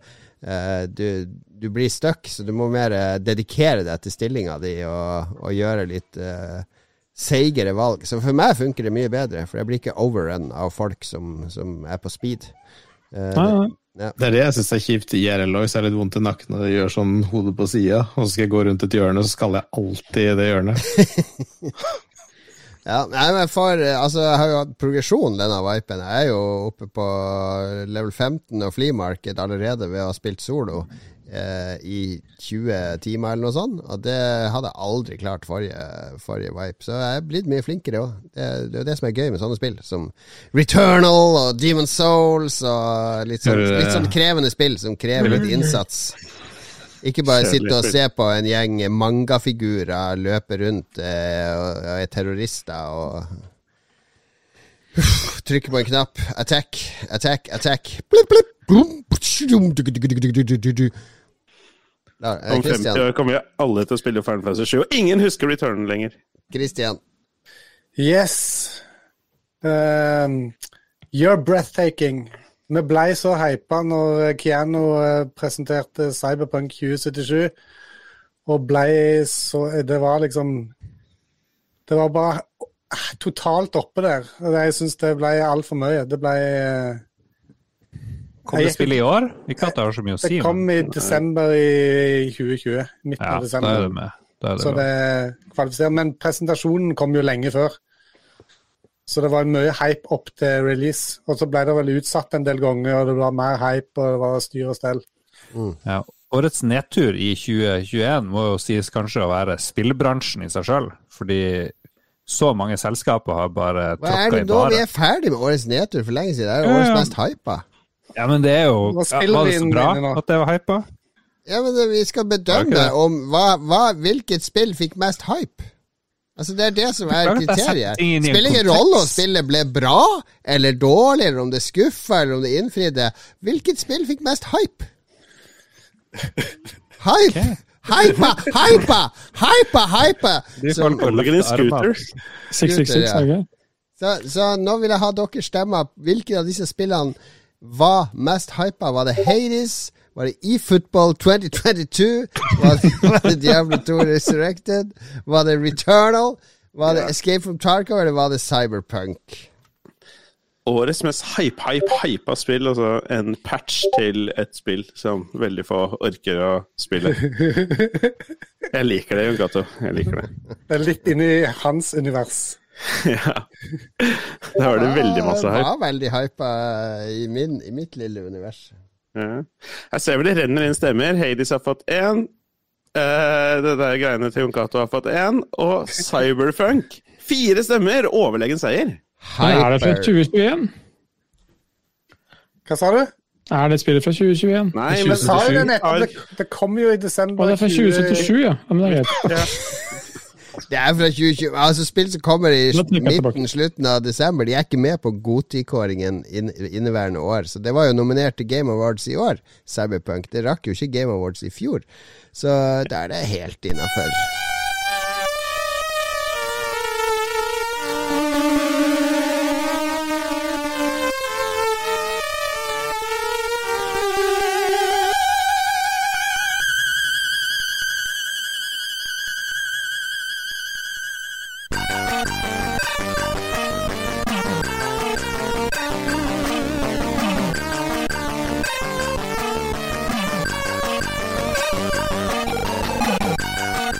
Ble det for skjærende toner for Espen nå? Ja, fordi jeg er så ung, så jeg hører sånne frekvenser som det der. Ja, du Beklager det. Det er jo, det, det er jo uh, Da vi var unge, så var det nyt, ren nytelse å høre på de skjærende tonene der. Ja, for du liker sånne, sånne hundefløyter, da, du. Ja, Men her har, du, er her har du grunnen til at Ståle hater klippinga òg, for du har så jævla høyt i hodetelefonen, så det blør inn i mikrofonen din. Er det det, ja? Det blir ingen klipping her, så det er greit. Nei, ja, who cares? Årets mest utskjelte spill nå, Lars, er du inne Ah. på din eh, kategori. La oss begynne med Christian her. Ja, jeg tar det samme som jeg eh, hadde i forrige kategori. Cyberpunk 2077. Det ble jo slakta av spillerne eh, når det kom ut. På- Mye på grunn av eh, at det virka uferdig, det var mye bugs. PlayStation-varianten var vel helt billig, tror jeg, og ble tatt Ja. ned tilbake igjen. Men er det noe vits å spille det nå? Er det noen som har spilt det i det siste, som kan si nå? Jeg har ja, spilt det i dag. Oi. Ja, er det drit? Er det, er det dritt? Er Nei. det dritt? Er det dritt? Er det dritt? Er det dritt? Ja, jeg spilte det her om dagen òg. Jeg, jeg runda det jo når det kom på PC med alle bugsene. Og så har jeg gjenbesøkt det etter de store patchene, så det blir jo bedre og bedre for hver gang. Men eh, det spørs om de noen gang når hypen og får den byen skikkelig levende. Det er kanskje det største problemet. De har jo òg kansellert online-planene sine nå. Ja, Det er bare smart. De burde bare fokusere på å bygge ut den byen til å bli en helt magisk opplevelse. For det, Men det burde de ikke bare drite i hele spillet og gå til neste greie? Nei, nei, nei, Hvor lenge skal de sitte og gnukke på det jævla Ja, Neste greie tar jo seks-syv år å lage, så det er ikke bare å gå til neste Lars. greie. De Du har spiller Skyrim på kjøleskapet ditt. Ja. Si det til Jesus de Lord. som gir ut GTA, da, Lars.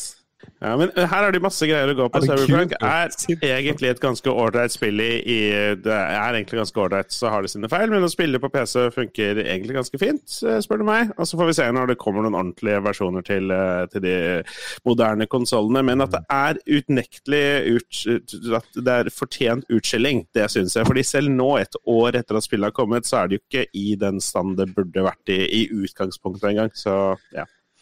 All right. Våpen sitter fast i bakken, og folk glir gjennom gulvet, kan du si. Det er, det er mye bugs, altså. Det er Skjer det, hjemme hos meg hele tida. Min Min uh, utskjelte er jo Battlefield 2042. Det kom, og det, det hadde en mega mageplask uh, forhatt av så å si hele spillerbasen. Dice går under nå. En svensk gigant tror jeg kollapser ned i knestående, ødelagt av uh, uh, Surrer rundt som en hodeløs høne. Lager skytespill for ingen, som ingen er interessert i. Mats kjøpte special edition der. ja, han gjør sikkert det. er det er det realistiske våpen, så er Mats uh, i første, først i køa. Men uh, det er jo ingen som liker Battlefield 2042. Herregud. Philip. Jeg måtte jo få det med i år eh, også, så kanskje litt på tross av at jeg kaster masse penger etter de ved å spille masse World of Warcraft, men årets mest ut- utskjelte i år må vel være Blizzard.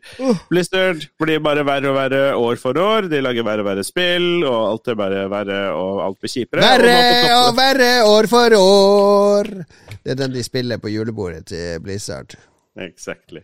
Målet de har satt seg. Eh, og nå i tillegg da, toppen av kransekaka så blir det masse sånne her unødvendige seksuelle trakasseringsgreier som dukker opp. Og uavhengig av alt det der, så er det bare sykt kjipt at de ikke klarer å rydde opp i det når det først liksom pågår over lang tid og sånne ting. Bare clean the shit up. Bare Jeg vet ikke. Helvete, Blizzard. Bare ta dere sammen. Årets fortjent mest utskjelte noe. Du nevnte det unødvendig seksuell trakassering, i motsetning til nødvendig seksuell trakassering, som jo folk må tåle. Ja, consensual verdens- eh, play. Det er verdens beste arbeidsplass da, for de som har det kjipt. Det er bare selvmord der uansett. Nei, det var klips. Ok, ok, ok. ok Vi, eh, Lars. Hello. Er det ikke det jeg sier? Det, 2021 er liksom året der hvor spillindustrien er liksom den store taperen. Eller mange store selskaper er det. og det var masse drit. Blizzard, og nå kaster Rockstar seg på bølgen med å gi ut uh, Grand Theft Auto-trilogi. 3D, de første 3D Grand Theft Autoene. Helt forferdelig. Helt grusomt. Og jeg fikk ikke refundert pengene. Så jeg legger til Sony i den der årets uh, bomskudd-greia der. Faen, må jo få ordentlige sånn refusjonsordninger. Årets bomskudd kommer etterpå, Lars. Dette er årets utskjelte. ja, vi har altfor mange kategorier i denne greia. Jeg legger til Lolbas Goti 2021 som årets nedtur. God damn it! Må dere skjerpe dere. Ok, GTA-remasterne der. Jeg forsvarte jo de litt. og Jeg syns at det ikke var så ille. Bare folk forventer seg for mye, fordi folk er bare idioter, ikke sant? Har du Men prøvd det? Har du prøvd det? Ja, men jeg, jeg vet det. Men det at det faktisk er såpass dårlig halvveis gjennomført som det det er, det er ikke noe annet enn utrolig ræva. Så det, ja. Vi har, vi har gått glipp av, fram og tilbake og bilen blir større. Ja, konge. vi har gått glipp av eh, Jeg burde jo hatt Final Fantasy 7-remasteren på årets nedtur, men eh, Shots fired. Dag! Ja. Jeg fikk jo et eh, tips av Mats før dette spillet ble utgitt, Off Bird and Cage. Uh, for det skulle på en måte være en veldig unik metal-albumpresentasjon som et spill. Så du spiller på en måte en sånn, ja, to-tre timers sånn story-driven spill, da, basert på et metal-album. Eh, og da skal du liksom oppleve musikken på en helt ny måte. Men du, du får bare masse sånn random oppdrag. Det, det, det er ikke noe du, du får ikke vite noe mer. Liksom, Slokk den brannen eller stjel noe penger eller hva som helst. Det er ingenting som blir highlighta. Folk bare ser så jævla dumme ut i det spillet. Grafikken er så jævla stygg at jeg blei så jævlig forbanna. Jeg spilte en time eller noe sånt, og musikken det skal være metal. Det er skikkelig ræva. Det er så dårlig. Jeg ble helt uvel. Og du sier, når det er ordet of, så sier du off i stedet. Men dette, det, det, er stort sett positive anmeldelser på Steam, så det er basically mest utskjelt av deg. Ja, og vennene mine, da. Det er meg. Adam. Meg og mange med Ja. meg. Men Jeg og Espen har sittet og Dag det der. spillet. Mm. Vi hater det. Ja. Nei, gutta mine. Stemmer det. All right, det står der mellom Cyberpunk, Battlefield, Blizzard, GTA-remasterne og Offbird and Cage. Kom med stemmene deres. Ikke send de til Ståle, send de til meg, rett og slett. Jeg har vært flink til å stemme allerede. Ja, da kan du kommentere litt. Ja, og jeg har til og med fått en stemme på Blizzard. Har fått en allerede av en anonym giver. Cyberpunk har fått en, og Battlefield har fått én. To stemmer mangler nå idet Blizzard har fått en en stemme nummer to, og er i ledelsen. Oi, Bur of Bird and Cage, hva nå enn det er, har fått én stemme, og da mangler vi én, og den går til GTR i Masterne. Og det betyr at Blizzard er årets mest utskjelte her i Lolbua. Yay, fortjent! Fortjent. Beste for prisen i kveld, spør du meg.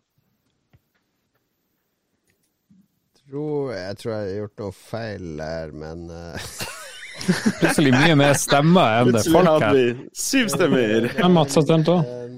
eh,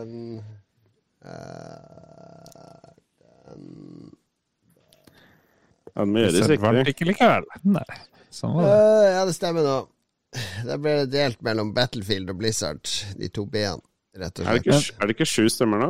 Jo, Jo, Syv stemmer, vi er bare seks for. Ikke still spørsmål her. Nei, OK, ok, sorry. Årets kuleste! årets kuleste kommer nå.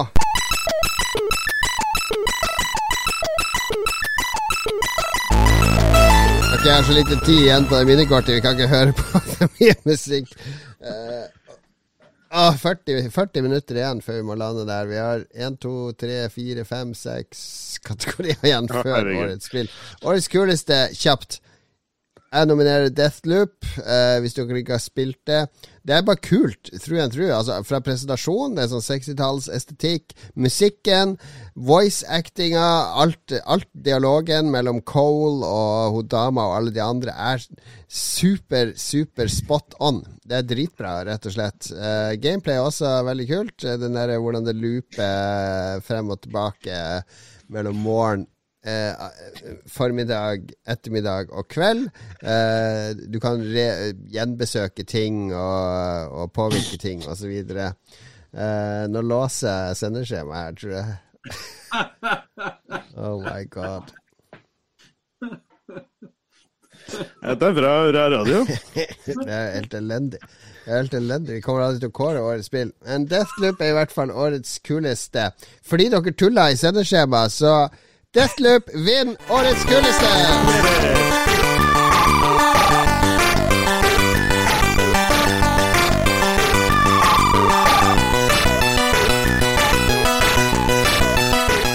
Er nulltoleranse for kødd her i, i Lolbua i dag. Spillet som gjorde at du følte deg mest naken i år, hvem er det som har laga den kategorien? Ja, det er meg. Ja, vil du utdype? Ja, nei, jeg tenkte Den switchen har ikke blitt brukt så mye. For Switch er jo PD-konsollen nummer én, som vi vet. Uh, men jeg tenkte at jeg skal grinde litt uh, ting i Apex, Apex Legends. Da. Grinde litt uh, levels der. Jeg trodde jo at Switch-versjonen at du kunne crossplay med PC og sånt noe. Men den var bare helt forferdelig. Den er standalone og enkel? Nei, det var, helt, det var helt forferdelig. Det, alle bare sto stille, så kunne du bare fly rundt og skyte dem. Og så ble det sånn Apex Predator og fikk anlagt dritmye fint på karakteren din. Ja. ja. Det ble du Apex Predator-dag? Ja. Oi, nice. Det er bare bra, da. Ja. Da er du topp 1 da i verden. Ja. Det er sånn Catch a Predator. På Switch. Ja, men du er fortsatt topp 1% i verden på Sant, Switch. Da. Men det, det kan du være stolt av. Ja. Ja. Ja, men da vinner det, rett og slett. Apex Legends på Switch. Spillet som gjorde at du følte deg mest naken i år.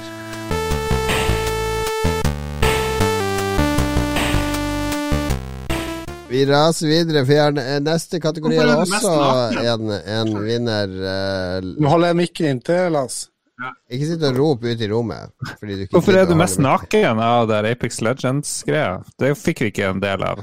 For jeg spiller jo alltid Switch naken på baderomsgulvet. Ja, ok, ok. Neste kategori, uh, årets revelation, som ikke er spillrelatert. Uh, tok med en litt sånn uh, From the left field. Bare er nominert igjen.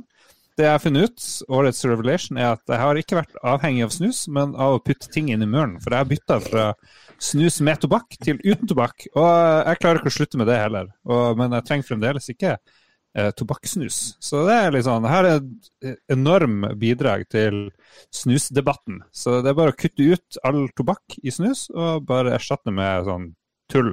Sagmugg eller et eller annet. For det eneste som betyr noe, er å putte ting inn i munnen og har det under leppa. Takk for meg. It's win! Dag, du har, Dag har en Ja. fra sidelinja her.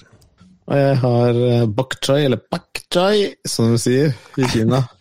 Og eh, det er jo en type salat, men hvis du griller den, så er den ikke like bitter som hvis du spiser den rå. Så den blir litt sånn, får en annen karakteristikk. Litt sånn nøttete, litt mer søt. Sammen med hvitløk, sammen med bønnespirer. Perfekt. Grilla bok choy. Competition. Ja. Ja, det må vi stemme, da. Snusinnsikt Ah, eller bok choy, gutta. Snusinnsikt eller bok choy. Helvete Jeg vet jo at. Lars stemmer på bok choy. Jeg må jo Dag gjøre det, da. stemmer på snus. Så får vi se, se hva resten stemmer. Dette må være lett å telle opp. Da må det gå kjapt. Det er jenter her nå, så, så kommer Jeg kommer til å ødelegge hele kvelden. Eh, Vi har nok av minutter å gå på. Dette går fint. Her renner det inn stemmer til snusinsekt. Tre til én enn så lenge. Oi, der kom det en til. Bok choy! Det er min igjen. Det er at, man Du kan ikke holde på sånn, Jon Jeg, Cato. jeg hater jo sånn kinamat og sånn, så det må bli snusinnsikten som vinner!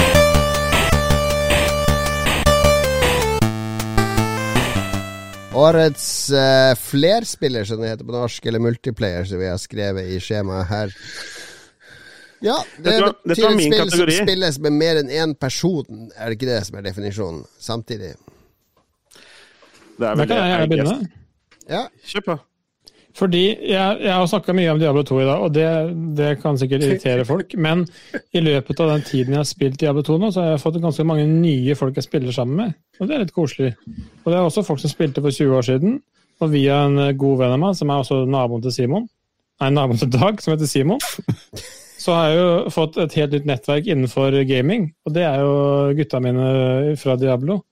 Og vi har jo spilt så sykt mange timer sammen i det siste, og gleder oss bare til det kommer en ny sesong, altså ladder-sesong, og det er multiplayer, og det blir PVP-sesonger og alt det der.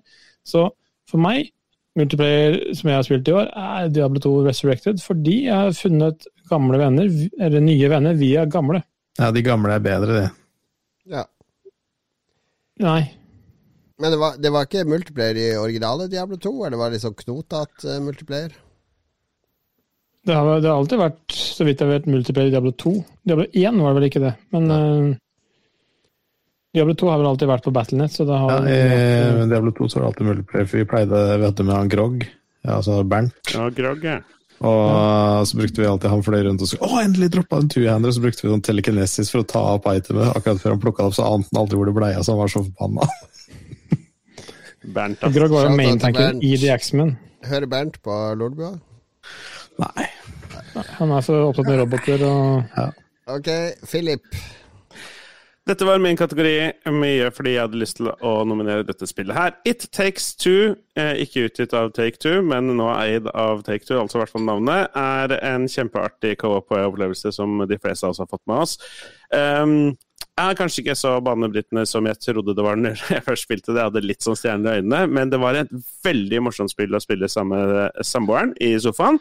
Eh, Det er en mangel på skikkelig gode sofa-co-op-opplevelser, og her kommer Itex2 og leverer den nærmest perfekte ti av ti-opplevelsen å spille sammen med en venn, en podkastkollega eller en samboer eller lignende. Det er jo ganske fint at du kan spille online og du kan låne vekk spillet til den andre. kan du si. At Den andre trenger ikke kjøpe spillet, men kan bare være med deg og spille. Gratis. Mm. Jeg går, funker det, da? Det funker, det. Jeg, tror- jeg bare Ja, jeg trenger å eie spillet. Så det er raust. Det er raust. Det er Josef Fares, dette. Han deler han uh, Ea og Josef Fares sammen er faktisk uh, ja, bra ting. Men uh, du har, du har en klassiker med deg nå, Dag. Ja, nei, altså For min del, for jeg har jo sittet og sett veldig mye på Still By og Crew liksom spille, og jeg ser jo det at de får veldig mye ut av Sea of Thieves. Mer enn jeg noen gang har fått ut av noe multiplayer-spill noensinne. Og bare høre de dele historier fra livet, mest fra Trøndelag, da, men bare sånn generelt. Og de er nede i undervannsfart, og det er det jeg syns er kult. At det er undervannsfart, at det er liksom noe nytt da i spillet, noe nytt du kan se på. Det er ikke bare oppå der, styre skøyta og kjøre inn og drepe noen skjeletter. Nei, veldig mye dypere. Du stopper, dykker ned i undervannsfart, Wow. slåss mot skjeletter og noen fisker og noe greier. Ta med deg kista opp, du kan levere den. Du kan hente andre kister. Hvor mange minutter er det igjen på opptaket? Er får du penger, Ståle, hvis du klarer å vinne en pris til Sea of Thieves her? Ja. Det stemmer. Ok, Munnvask. Da må vi stemme. Jeg har fått inn noen stemmer. senere stemmer. Det er tre spill det står mellom i årets multiplayer. Diablo 2 Resurrected, It Takes Two og, eller Sea of Multiplayer. Da renner stemningen så fort som Jon Cato klarer å telle de opp. Ser jeg. Oi, Diablo har fått to stemmer allerede. Ah, Føler du det er bra? Oi, tre! Espen! Oi, Oi, oi. Nå. Nå, fire! Ærlig talt, nei. Øy, øy, øy. Nei, ærlig Nice. Nei. Hvis ikke It Takes Two får en eneste stemme, så mister Ok, der. Nå fikk jeg én stemme, da. Da, da er det greit. Ja, fikk Jon Cato Nei, det var, det var Christian sin. Det var Christian Ja, ok, Christian. Man kan stole på Christian. Han har god smak. Veldig bra. Da Ah, ble det pris til Bobby Kotick. Og vi har med Bobby Kotick direkte på telefon. Uh, hello, b- eh, Mr. Kotick. Congratulations on the best uh, multiplayer game of the year. Thank you. I'm sucking my dick uh, right now as we speak. Are you, are, you, are, do you, are you able to do that? I have three dicks and five mouths, motherfucker. I'm a, like a porn king of the de- demon souls. Jeg, ikke, jeg orker ikke å spørre mer. Det ble så lite raffinert. Det ble så lite Du må liksom begynne med litt sånn føle deg fram før du går Jeg rett venta på at noen andre skulle svare. Nei, hold det skurkene unna Diablo 2. Det har noe med dem å gjøre. Ta, make eh, David Breivik great again. Få han tilbake igjen. Bre make Breivik great again. David Breivik. David Vi, er, vi skal ikke inn i det landskapet her, Christian. Fort, Vekk, vekk. Det er, det er ikke han. Det er en annen. Han som laga Diablo 2. Ja. David Breivik. Breivik, er det vel? Greyhound Games, er det en annen driver Det er vel Breivik. Moving on. Moving on. Spillet du har brukt mest penger på i år. Det er uh, uh, Jeg har ikke brukt Jeg kjøper litt sånn Battle Pass her og der, det gjør jeg jo i, i noen spill. Og kjøper mye til ungene. Jeg har jo faktisk brukt mest penger på Fortnite, vil jeg si, så jeg må nesten nominere det. Eh, Fortnite eh, Battle Pass til ungene. 650 K. Så det, det nominerer jeg. Lars, slutt! Gå opp med markøren din. Eh, men Dag Thomas, det var din kategori, og hva er det du har brukt Nei, det var ikke min kategori, det. Ok. Spillet, hva er det spillet du har brukt mest penger på i år, da? Star Citizen har blitt 50 000 i år, fordi mens han Ikke brukt makkeren min 50 000 på det. Ikke makkeren min tok ut uh, bonuser og skatta det, så kjøpte jeg romskip skattefritt for å støtte et indiespill. Kan ikke kjøpe romskip skattefritt. Det fins ikke. Det Skjer ikke. Det er eh, støtte. Ja. Ja, altså, nå ble det mye tullesvar her. Det er ikke tull engang. ja, men Det er mange som svarer masse tull, men jeg har jo faktisk kjøpt meg flere kontoer i Diablo 2 for å multibokse. Ja. Ja. Du har brukt 1200 på det. Dag påstår han har brukt 50 000 på Star Citizen. Det tror jeg på. Ja. Lars, du har brukt 650 kroner på GTA-remasterne. yes, sir! Den mente 50 000 yen, så er det Jeg 3900 kroner. jeg har sikkert brukt 1500 på Fortnite Battle Pass, og, og de får av og til til skins. Og Ståle har brukt 160 000 på CO2, det tror jeg ikke noe på. Det er ikke langt unna.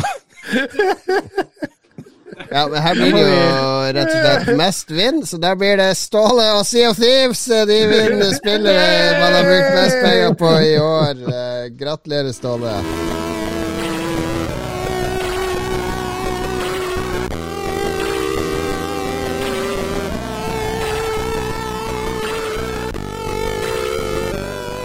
Fra bruket til tjent mest penger på Det er ingen som tjener penger på å spille, er det det? Jo, det er min, det er min kategori. Ja, ja. Okay. Fordi jeg, Når jeg forteller om eh, verdens første kryptovaluta, som er forumgull mm -hmm. i Diablo 2, kom i 2002 på et forum som heter D2ISP, som er tradingforum for eh, Diablo-spillere. Som har, blitt, eh, har levd siden den gang, og har blitt ført litt over til både WoW og Path of Exiles og WoW Classic og litt forskjellig sånn, men det har alltid vært Diablo 2 som har vært kilden. Og der er det en, eh, som jeg sa, eh, det er en valuta som heter forumgull, så du kan trade in game items som Ja. du sjøl lager trades på, og bytte mot in game forumgull. Så jeg regner med at det forumgullet jeg har nå, per dags dato, det ligger rundt 8000 kroner. Norske kroner. Hva er timesprisen, da? Cash in. Timesprisen, det er bare gleden i hjertet mitt. 30 Hva var timesprisen på kontoen du solgte i Vova i dag? Det er 34 øre, tror jeg. Ja, det var det, det var det sånn for min del òg. Eh, Dag, du har skrevet Domino's Gold. Ja, eh, det er fordi at eh, jeg husker den da jeg var liten, så spilte jeg til Dominos. Jeg satt ikke bare opp, liksom, jeg spilte, det, tok dem ut i gata, var sånn Dominos Hustler rundt i Grågåsveien. Og da plukka jeg det opp da, og lasta ned Dominos Gold, og der har jeg dratt inn et par eh, hundrelapper. Vært med på en turnering i Øst-Timor i august. World Dominoes.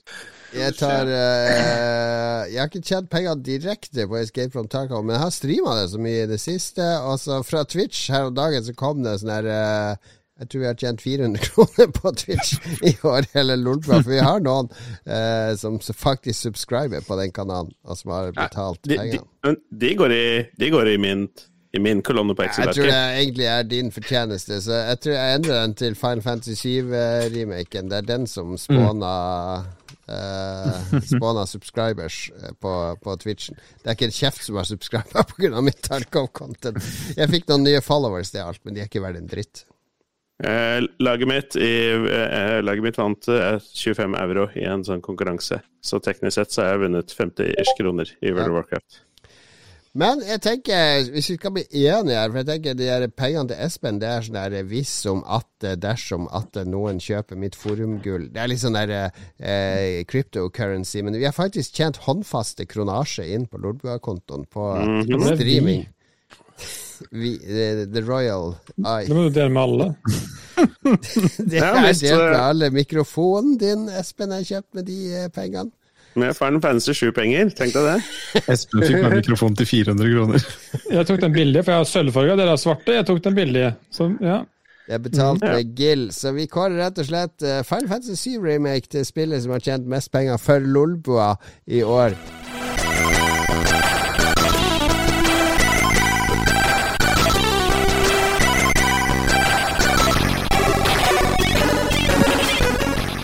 Da Kanskje, kanskje en burde bruke noen av de pengene på minnekort til den opptakeren din. Ja, det kan uh, gjøres, men da, da vil jo denne episoden her aldri ta slutt, Christian. Så det er en Burde jo vært mye lenger, denne episoden her. Den tar aldri slutt, for det er helt Vi har jo bare bruker du den fem 40 ganger til. lytterspørsmål, så det blir jo bra. Ja, det er ja, faen. Det òg, ja. Jesus lord. Men kan ikke du spille det alene på H6-en din, Lars? Bare sitte og svare på de, og så sender du meg lydfiler. Ja, vi kan ta noen. Vi tar noen. Vi Ok, tar årets du spørsmål. årets spill først. Uh, skal, jeg kan godt begynne her. Jeg skrev opp. For meg er det Returnal. Det er ingen over, ingen ved siden. Og Returnal kommer til å bli huska i historien eh, som eh, Verdens beste spill. Kjedelig spill. et fantastisk nyskapende, Og litt ensformig. eh, Det er ikke din tur nå, Philip. Verdens beste spill, rett og slett, i 2021. Det er Returnal. Espen, Diablo 2. Selvfølgelig. Har du noe mer å si om Diablo 2? Det er det beste som har skjedd med 2021. Christian? Cyberpunk 2077. Det er et fantastisk spill. What?! Jeg har runda det to ganger, og når jeg sier runda det, så har jeg støvsugd bretter for alle missions, side missions, eh, toppa levelen og eh, Ja, jeg har klokka inn sikkert 200 timer. For et digg narrativ du har hatt nå, Christian, fra å gå og murre litt om det, dette er noe, dette har skuffa ditt og datt, og så bare rett opp på, på topp. Det var, det var bra. Bra Yes. strukturert. Mhm, Det er tydelig at du, er, du kan lage podkast. de sier det. De sier så. Philip. Jeg har uh, foreslått her It Takes Two, som er nevnt tidligere. Jeg tror det kommer til å gå litt gærent ettersom du bare fikk én stemme tidligere. Men uh, jeg var veldig glad i det spillet, og er nok den kuleste spillopplevelsen jeg har hatt i 2021. Og så er det Jeg vet ikke om jeg skal Ok, Dag Thomas. Nei, det var jævla Lars. Juff. Dag Thomas, du har selvfølgelig Returnal, du. Og det som er bra da, Dag Thomas, det er at eh, vi kan stemme på hverandre sitt spill. kan- Eh, Nei, du kan vi ikke det. det er ingen kan gi stemmer som, nei, som har stemt på det. Jeg stemmer jo ikke på mitt spill, jeg stemmer på Dag Thomas jo, det er ditt spill. Nei, sånn Du er har nominert ditt spill. Returnal er ditt spill. Hvis alle seks hadde nominert Returnal, så kunne Nei, hvis fem hadde nominert Returnal og Philip It Takes Two, så kunne da hadde It Takes Two vunnet, da. Ja, alle skriver Ja. Returnal nå. Så lar vi det på to da. Sånn har det vært hele sendinga. Ok, ja. Eh, Lars har altså Returnal. Tre Ja. stykk har nominert Returnal. Det er en som har nominert It Takes Two, det er en som har nominert Cyberpunk 2077, og det er en som har nominert Diablo 2. Send inn stemmene deres, folkens. Ikke lov å stemme på Returnal, de som har nominert Returnal.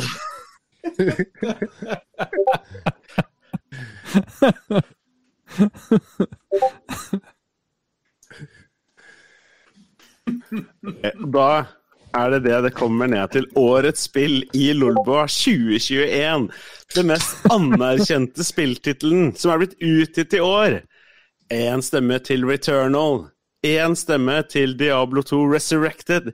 Én stemme til It Takes Two. Og det kan nesten ikke bli mer spennende, og det gjør det! Det er Cyberpunk får en stemme! Det er to igjen!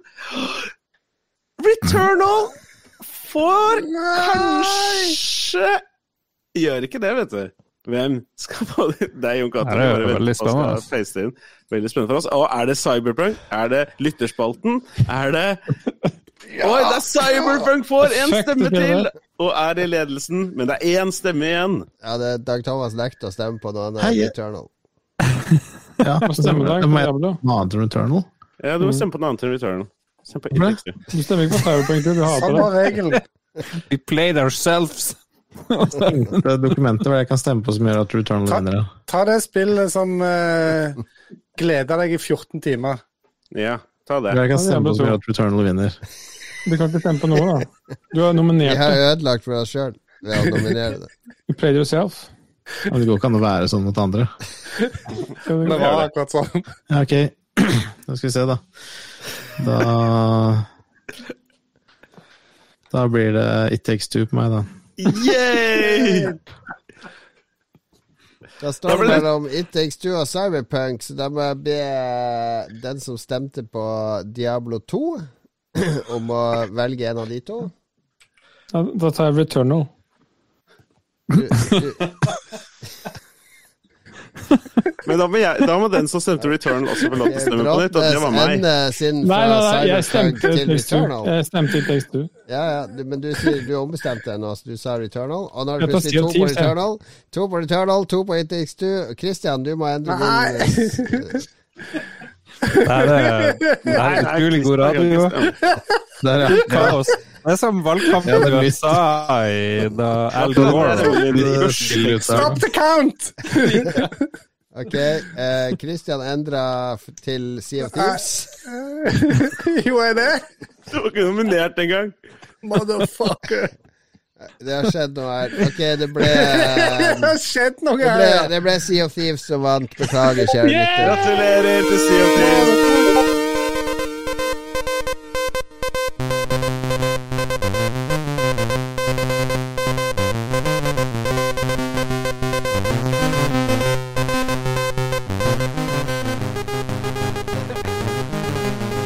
Fjerde året på rad siden Thieves vinner i Lolbua. Et utrolig populært spill i Lolbua. Fantastisk.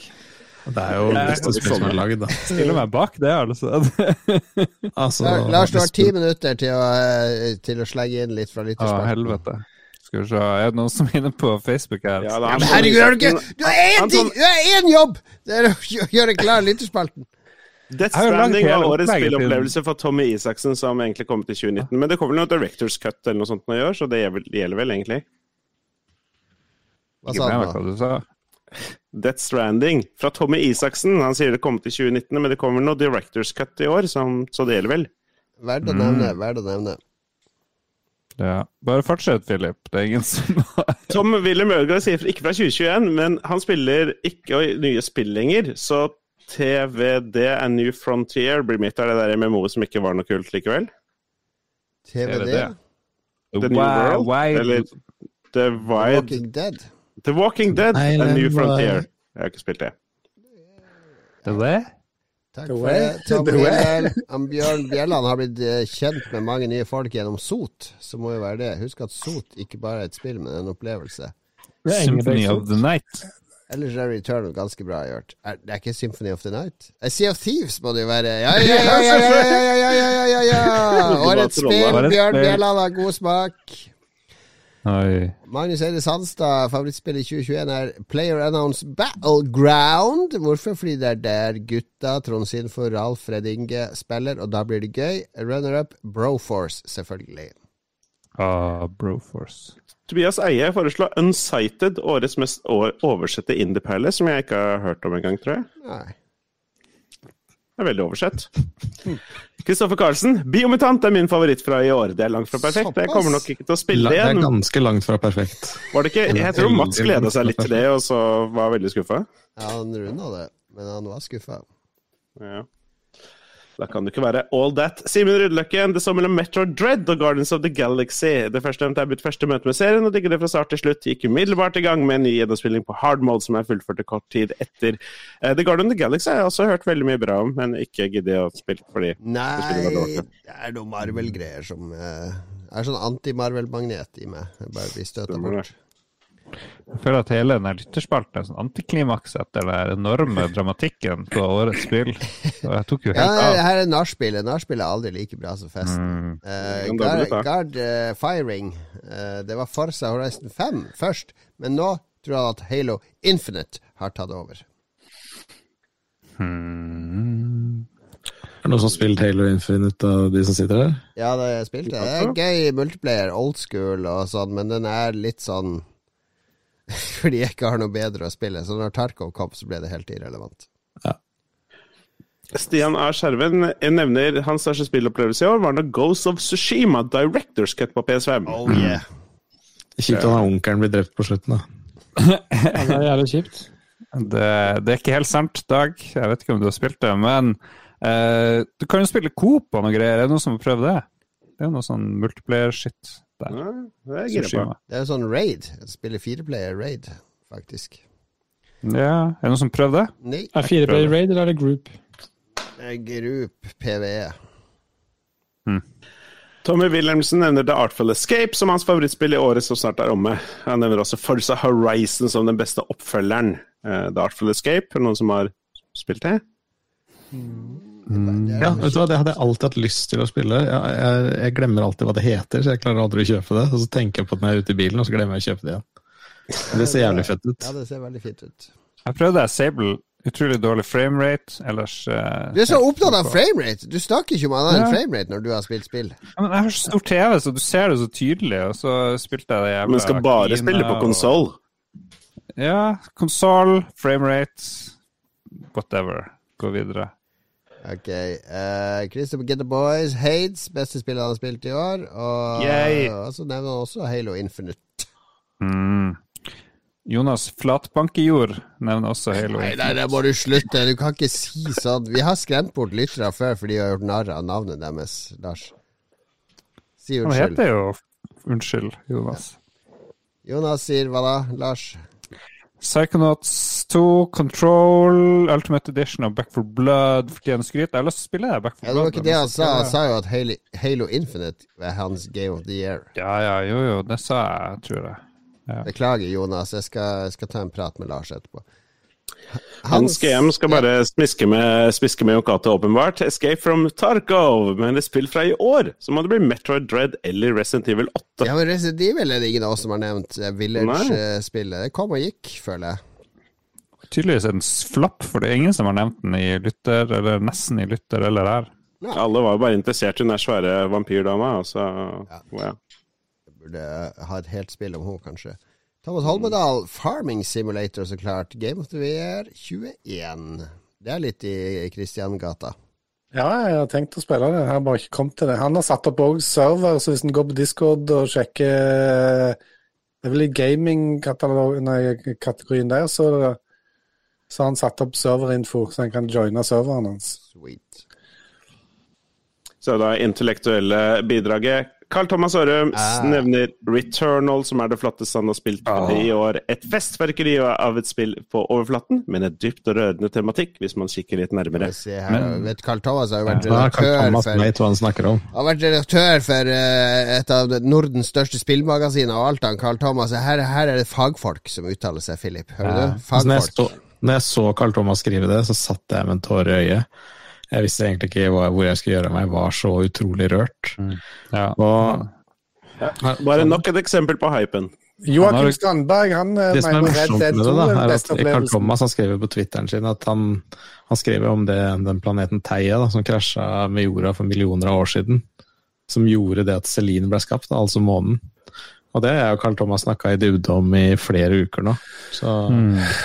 Men Men er det like bra som synes Sea of Thieves? også Far Cry 6 er for dårlig. Oi, Red Dead 2 er den beste opplevelsen, sier han. Det sier Joakim. Red Dead Stemmer 2 nok er dritbra. Vi kommer ikke gjennom mer nå, for nå blinker det rødt av det der minnekortet mitt. Eh, vi må takke våre patrons, Lars, eh, som har betalt for dette makkverket av en Game of the Year-kåring. Denne Game of the Year-sendinga vår er jo bestandig sånn her. Men tusen takk, sier jeg, til TTMXMP. Jeg er den eneste i Lolbua som takker deg.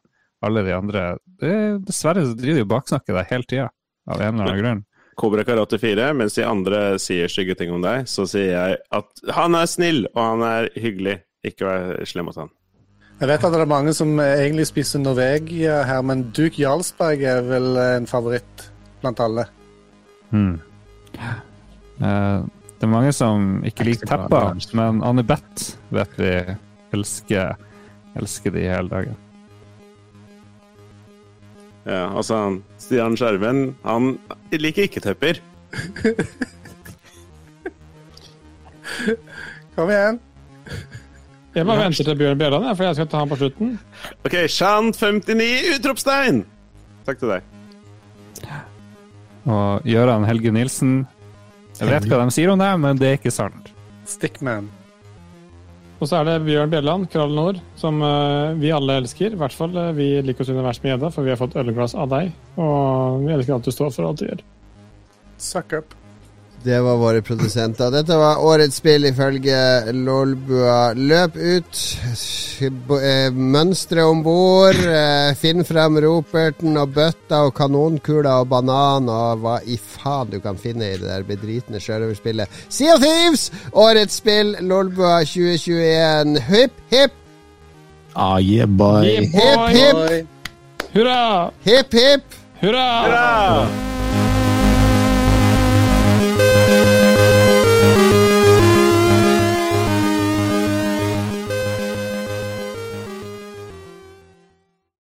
Har du et enkeltpersonforetak eller en liten bedrift? Da er du sikkert lei av å høre meg snakke om hvor enkelt det er med kvitteringer og bilag i fiken, så vi eh, gir oss her, vi. Fordi vi liker enkelt. Fiken superenkelt regnskap.